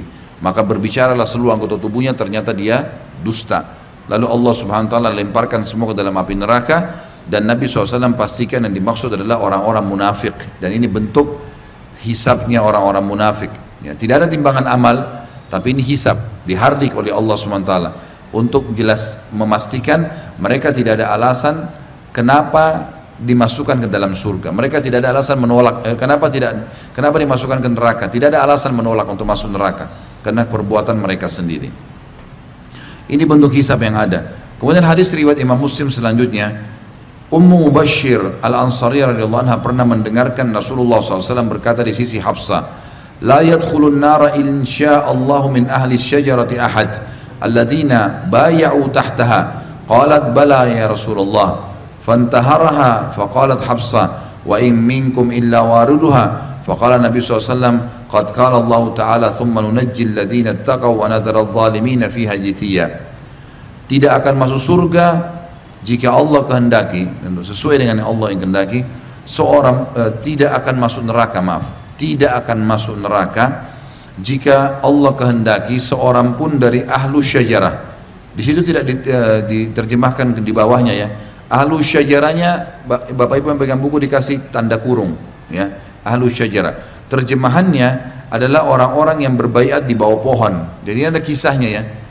Pada saat Nabi SAW uh, akan menuju umroh di bulan Zulkaadah di tahun uh, eh, 6 Hijriah pada saat itu Nabi SAW keluar dengan 1400 orang Bapak Ibu sekalian untuk umroh Ternyata pas tiba di Hudaybiyah, ya, mereka tertahan. Orang-orang Quraisy keluar dengan pasukannya untuk menahan mereka, ya, supaya tidak masuk umroh. Terjadilah kesepakatan Hudaybiyah. Pada saat itu, waktu sementara mau kesepakatan Hudaybiyah, sempat orang-orang Quraisy mau buat masalah nih, mau buat masalah supaya menahan muslimin. Karena kalau muslimin sudah masuk wilayah haram, maka secara otomatis Hudaybiyah perbatasan wilayah haram ya. Kalau masuk wilayah haram, maka orang Quraisy tidak bisa menahan kaum muslimin untuk umrah. Sementara mereka menganggap memalukan pada saat itu kalau muslimin berhasil masuk. Dan kalau mereka ganggu, sementara sudah di wilayah haram, mereka akan dicarci oleh atau dicela oleh semua orang-orang Arab. Ringkas cerita, sempat ya Nabi SAW membaiat ya semua sahabat 1400 orang itu. Tepatnya 1398 orang. Karena Nabi satu orang dan ada satu orang munafik yang ikut pada saat itu dia tidak ikut membayat jadi yang ikut membayat 1398 orang. Bayat itu Nabi SAW berdiri di bawah sebuah pohon lalu berkata kalian harus berjanji tidak akan meninggalkan aku dalam peperangan kalau tadi perang sama Quraisy. Masing-masing membayar saya ya Rasulullah, kami membayar masing-masing bersalaman dengan Nabi SAW di bawah pohon. Lalu kata Nabi SAW, tidak ada seorang pun dari kalian setelah 1398 itu salaman dengan Nabi SAW, memberikan dukungannya, kata Nabi SAW, tidak ada seorang pun dari kalian kecuali pasti masuk surga. Ini orang yang membayar di bawah pohon ini, ini pasti semua masuk surga. Kecuali satu orang yang sembunyi di belakang unta merah. Ada satu orang munafik yang tidak mau ikut. Dia kebetulan ikut di dalam dalam uh, umrah ini tapi dia tidak mau ikut membaiat maka itu yang tidak dapat surga. Karena dia orang munafik gitu kan? Tapi ini yang dimaksud dengan eh, orang-orang uh, yang berada di bawah pohon. Kisahnya dari kesepakatan Hudaybiyah. Jelas sampai sini? Nanti Bapak Ibu bisa ikutin dalam materi sirah saya. Insya Allah mungkin ahad kedua di bulan Mei baru saya bahas memang tentang masalah kesepakatan Hudaybiyah. Di antaranya panjang lebar kisah tentang proses Hudaybiyah ini dan ada namanya syajarah, bayat ridwan namanya. Di bawah pohon itu. Itu yang dimaksud di sini tidak akan masuk neraka jika Allah kehendaki seorang pun dari ahlu syajarah atau orang-orang yang berbayat di bawah pohon. Hafsah mengatakan, tidak wahai Rasulullah. Ya. Beliau pun membentak. Ya. Maka Hafsah mengatakan, Maksudnya di sini ini terjemahan kurang tepat ya. Jadi pada saat itu sebenarnya Hafsah berkata, tentulah ya Rasulullah, gitu kan? Ya. Tetapi bukankah Allah berfirman, gitu kan? E, mengatakan, tapi bagaimana dengan Allah SWT berfirman, wa in illa wariduha. Semua kalian pasti akan lewati neraka itu. Lalu Nabi SAW berkata, Allah juga berfirman, Sesungguhnya Allah akan menyelamatkan orang-orang yang bertakwa dan membiarkan orang-orang zalim dalam keadaan berlutut. Jadi saksi bahasan kita di sini adalah bahwasanya orang-orang yang pernah mengikuti bayat di bawah pohon akan tidak akan masuk neraka. Makna lain adalah mereka tidak ada hisap. Mereka tidak dihisap. Dan itu jumlahnya banyak ya, 1398 orang tadi dari sahabat. Ini kemuliaan. Selanjutnya hadis Nabi SAW, hadis ini diriwayatkan oleh Imam Bukhari. Abu Sa'id al-Khudri menuturkan Rasulullah SAW bersabda, "Yuja'u bi Nuhin yaumal qiyamah fayuqalu lah, hal hal ballagta?" Fayaqulu na'am ya Rabbi. Fatus'alu ummatuhu hal balagakum? Fayaqulun ma ja'ana min nadhir. Fayaqulu ma man syuhuduk? Fayaqul fayaqul fayaqul atau fayuqal semestinya tapi apa ya fayaqul man syuhuduk? Fayaqul Muhammadun wa ummatuh fayujau bikum fatashhadun thumma qara'a Rasulullah SAW wa kadzalika ja'alnakum ummatan wasata qala adla litakunu syuhada 'alan nasi wa yakuna rasulu 'alaikum syahida Nuh alaihissalam akan didatangkan pada hari kiamat lalu ditanyakan kepadanya apakah engkau telah menyampaikan dakwah? Maka ia menjawab iya wahai Tuhanku. Kemudian umatnya Nabi Nuh didatangkan dan ditanya apakah ini Nuh telah menyampaikan kepada kalian mereka menjawab belum ada seorang pemberi peringatan pun yang datang kepada kami. Jadi kaumnya dusta hari kiamat pun dusta karena takut masuk neraka. Maka Allah berfirman kepada Nuh siapa yang menjadi saksi Nuh? Lalu Nuh menjawab Muhammad dan umatnya.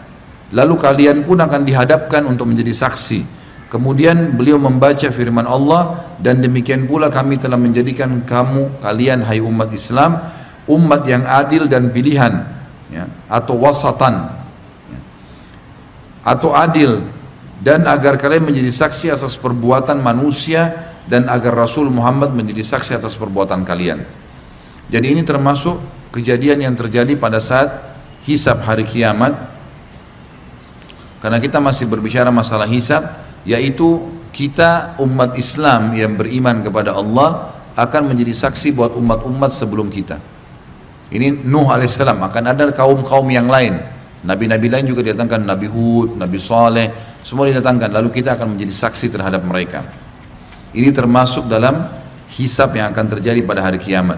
Dan yang terakhir dalam bahasan kita adalah sabda Nabi SAW dalam Bukhari dan Muslim.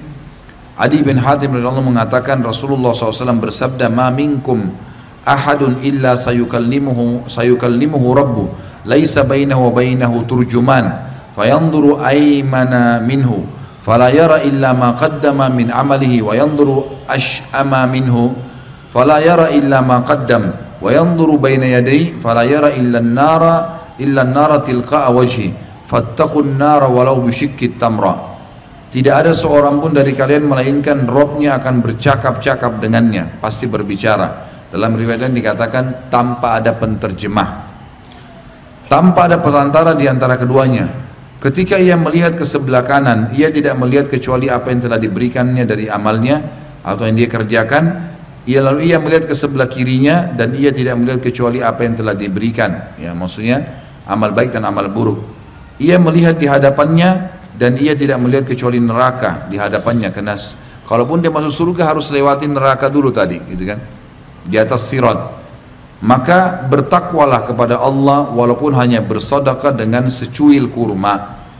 Maksudnya semua orang hari kiamat akan ada hisapnya, akan ada hisapnya dan ini berat ya, dan ini berat ya Allahu alam. Baik kita masuk dalam penutupan bahasan-bahasan kita ini karena uh, ada hal yang harus kita selesaikan ya.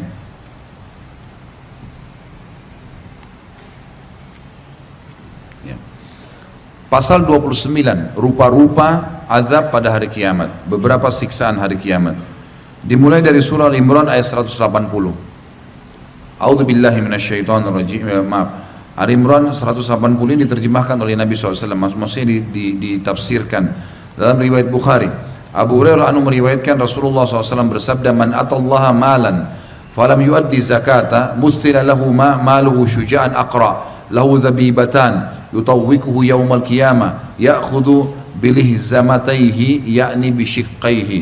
Yaqulu ana maluka ana kanzuka. Thumma tala al-aya la yahsabanna la yahsabanna alladziina yabkhuluna bima ataahumullahu min fadlihi huwa khairan lahum sayutawwaquna ma bakhiru bihi yaumal qiyamah walillahi mirathus samawati wal ardi wallahu bima ta'maluna khabir. Barang siapa yang dikaruniai oleh Allah harta tetapi tidak menunaikan zakatnya maka harta tersebut pada hari kiamat akan diserupakan dengan wujud ular ular bertanduk berbisa e, dua tanduknya dua dan berbisa ya Jadi semestinya bertanduk dua dan berbisa, begitu terjemahannya ya. Yang akan dikalungkan di lehernya pada hari kiamat. Kemudian ia mengangakan mulutnya seraya berkata, aku hartamu, aku simpananmu. Kemudian dia membaca firman Allah, Nabi SAW. Sekali-kali janganlah orang-orang yang bakhil dengan harta yang Allah berikan kepada mereka dari karunia-Nya menyangka bahwa kebakhilan itu baik bagi mereka. Sebenarnya kebakhilan itu adalah buruk bagi mereka. Harta yang mereka bakhilkan itu akan dikalungkan kelak di lehernya di hari kiamat dan kepunyaan Allah lah segala warisan yang ada di langit dan di bumi dan Allah mengetahui apa yang kalian kerjakan. Abu Hurairah meriwayatkan hadis yang lain. Hadis ini diriwayatkan oleh Imam Muslim Rasulullah SAW bersabda, setiap orang yang memiliki emas dan perak yang tidak menunaikan hak hartanya tersebut, tidak mengeluarkan zakatnya, tidak bersedekah, pasti tak kalah pada hari kiamat kelak akan dibentangkan untuknya lempengan-lempengan terbuat dari api.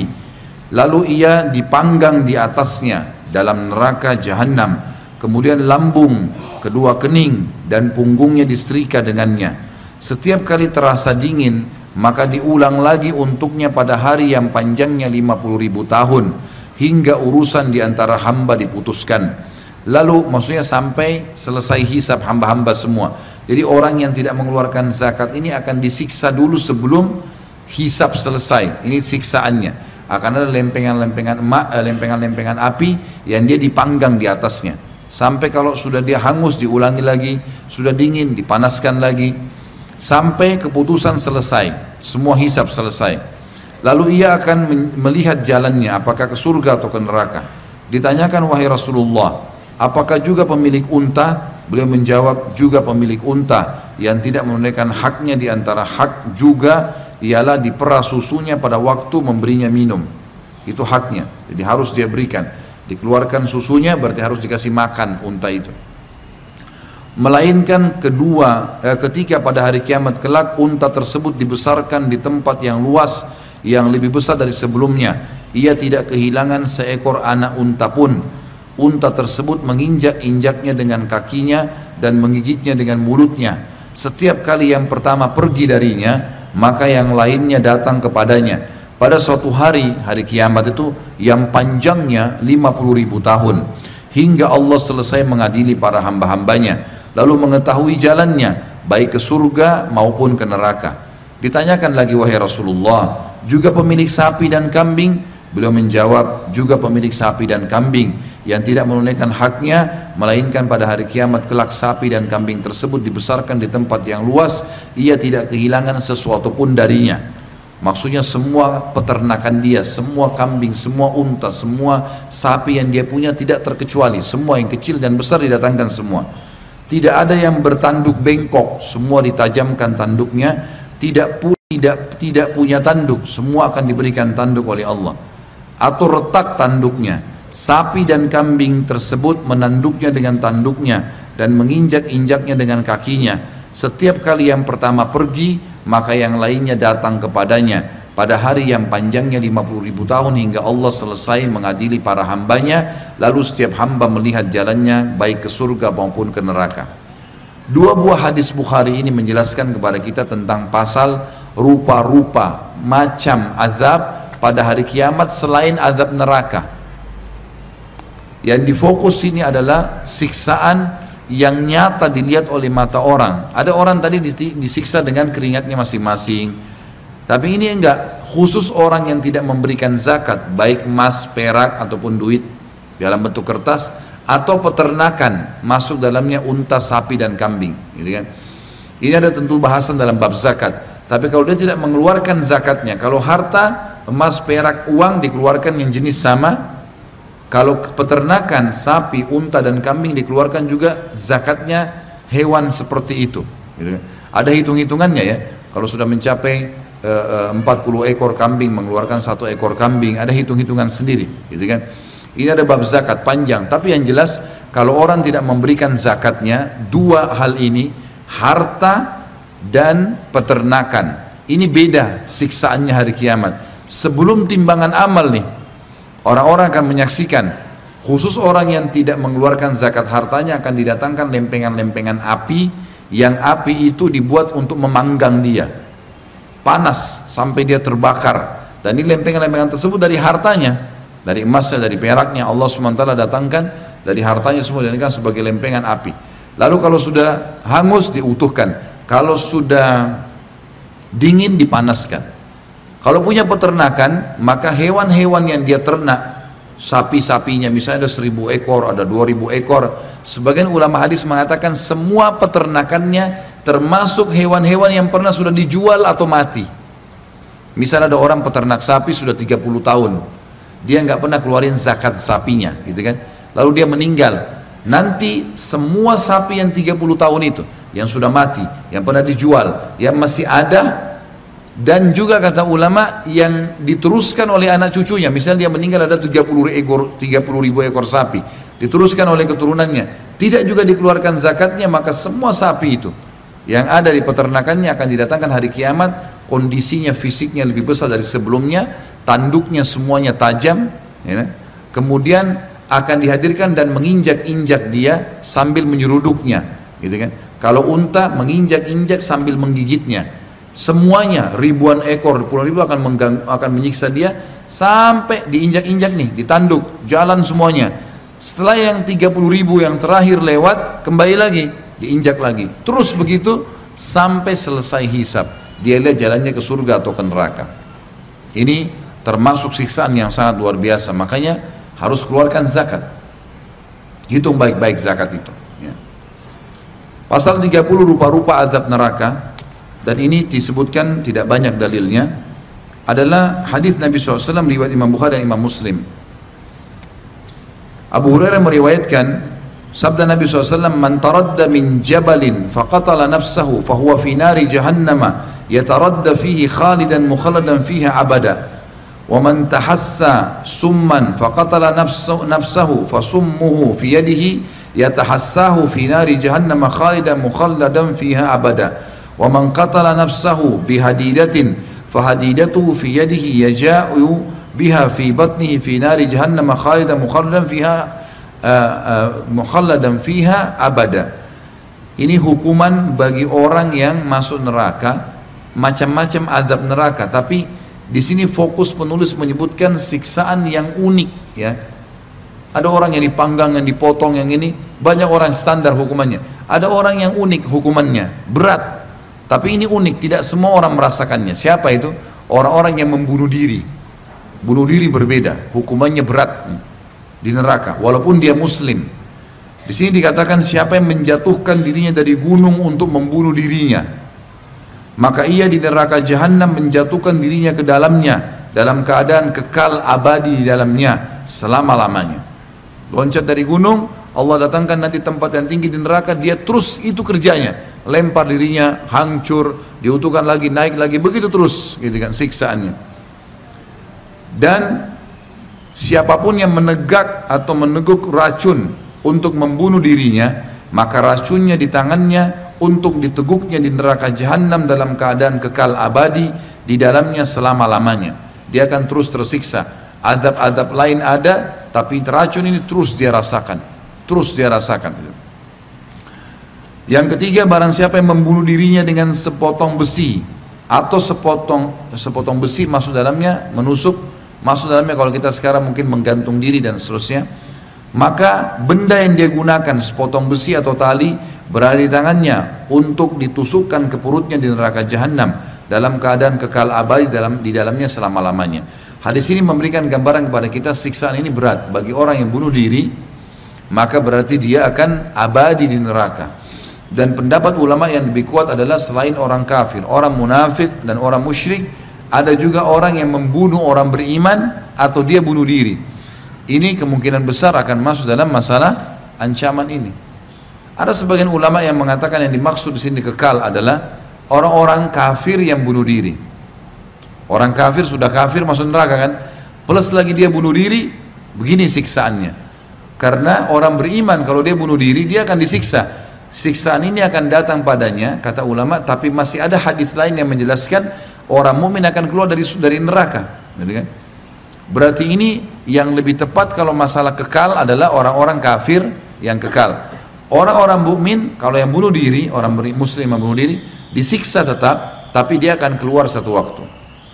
Begitu memahaminya.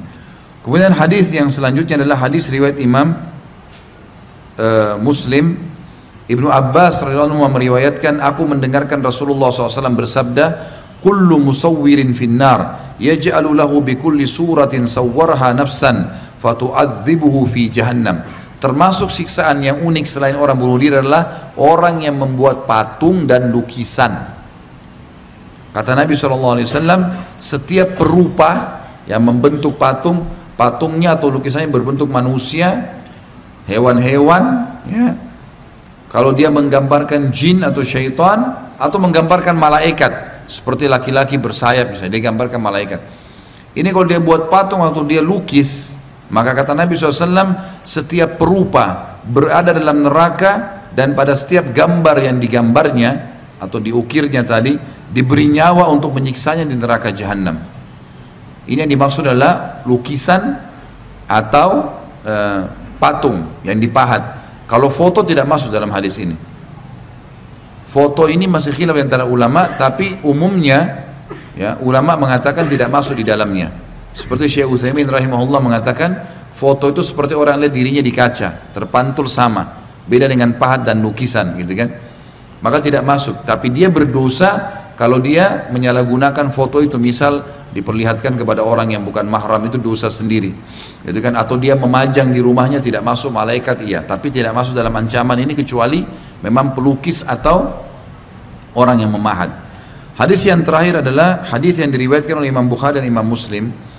Kata Nabi eh, Al-Ahnaf bin Qais radhiyallahu menceritakan aku duduk bersama sekelompok orang dari Quraisy. Lalu seseorang yang rambut, seseorang yang rambut, pakaian dan penampilannya kusut datang hingga berdiri di hadapan mereka lalu mengucapkan salam. Ketika ia mengatakan berikan ancaman kepada para penimbun harta dengan batu yang dipanaskan dengan neraka jahanam kemudian diletakkan di atas puting buah dada salah seorang dari kalian hingga keluar dari tulang lunak pada ujung punuknya atau punduknya.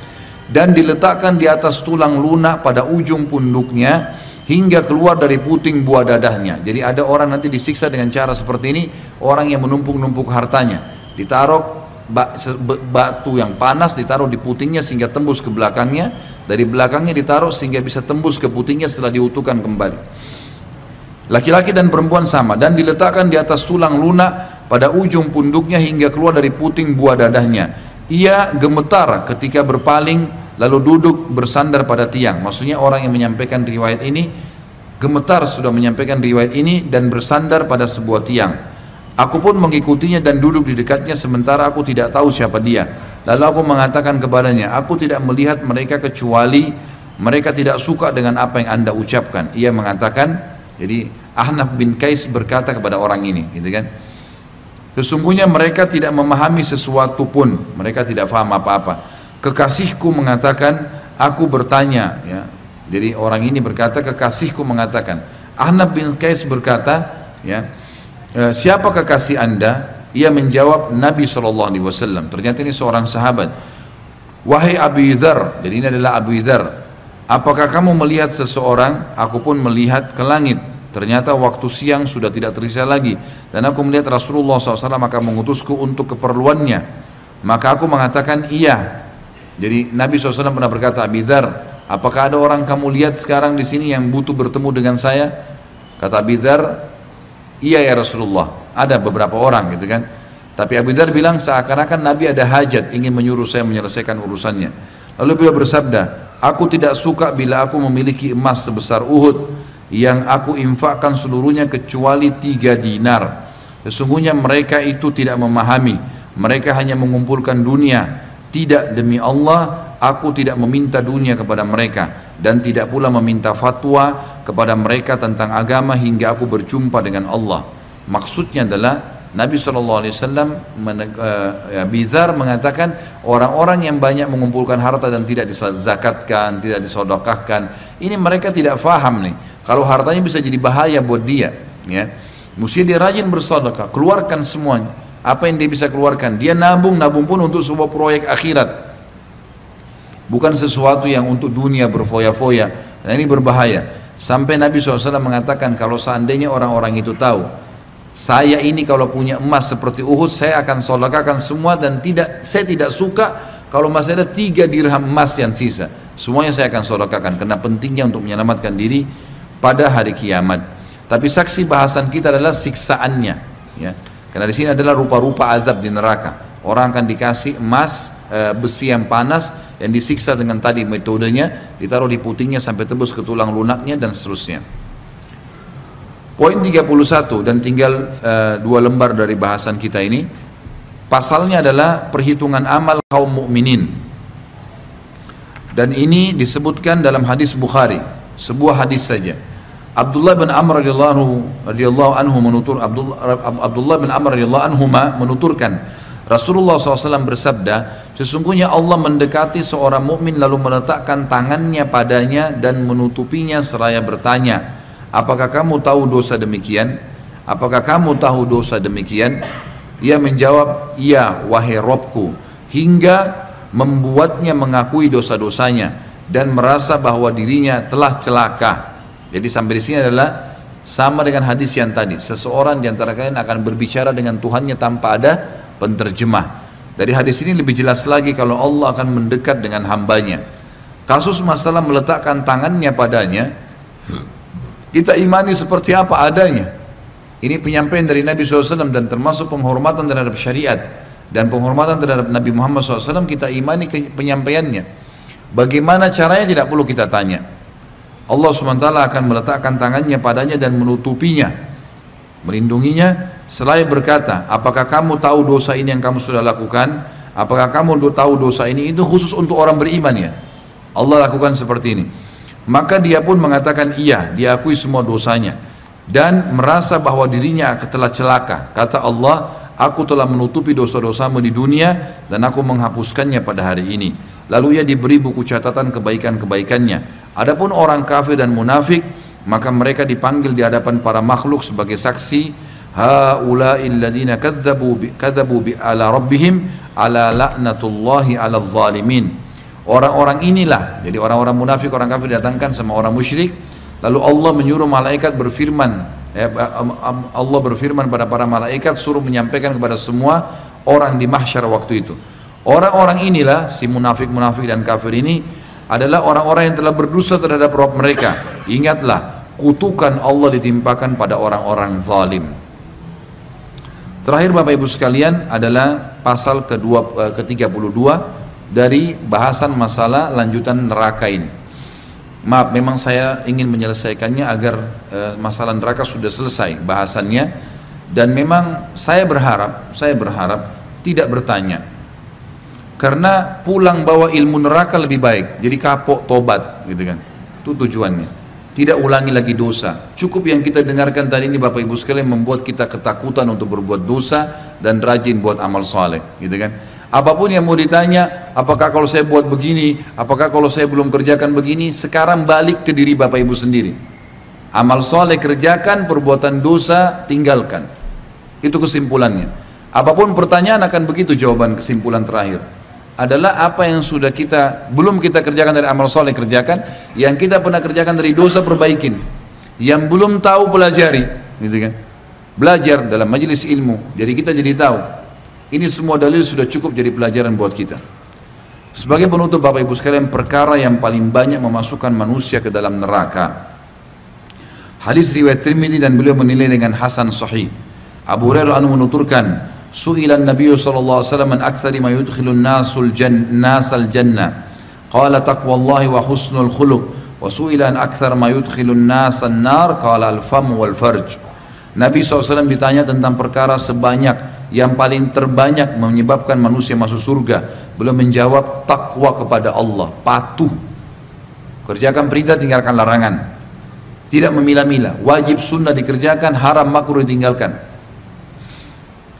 dan juga akhlak yang baik santun baik sama orang memaafkan ya memberi beliau juga ditanyakan tentang perkara yang paling banyak menyebabkan manusia masuk neraka beliau menjawab mulut dan kemaluan ini dua hal yang dijaga.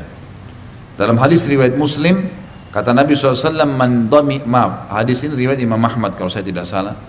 Semoga Allah maafkan kalau salah, tapi yang jelas Nabi SAW bersabda, ma, hadis ini sahih, ma, man dhamina li ma baina lihyai wa ma baina fakhidai dhamintu lahul jannah.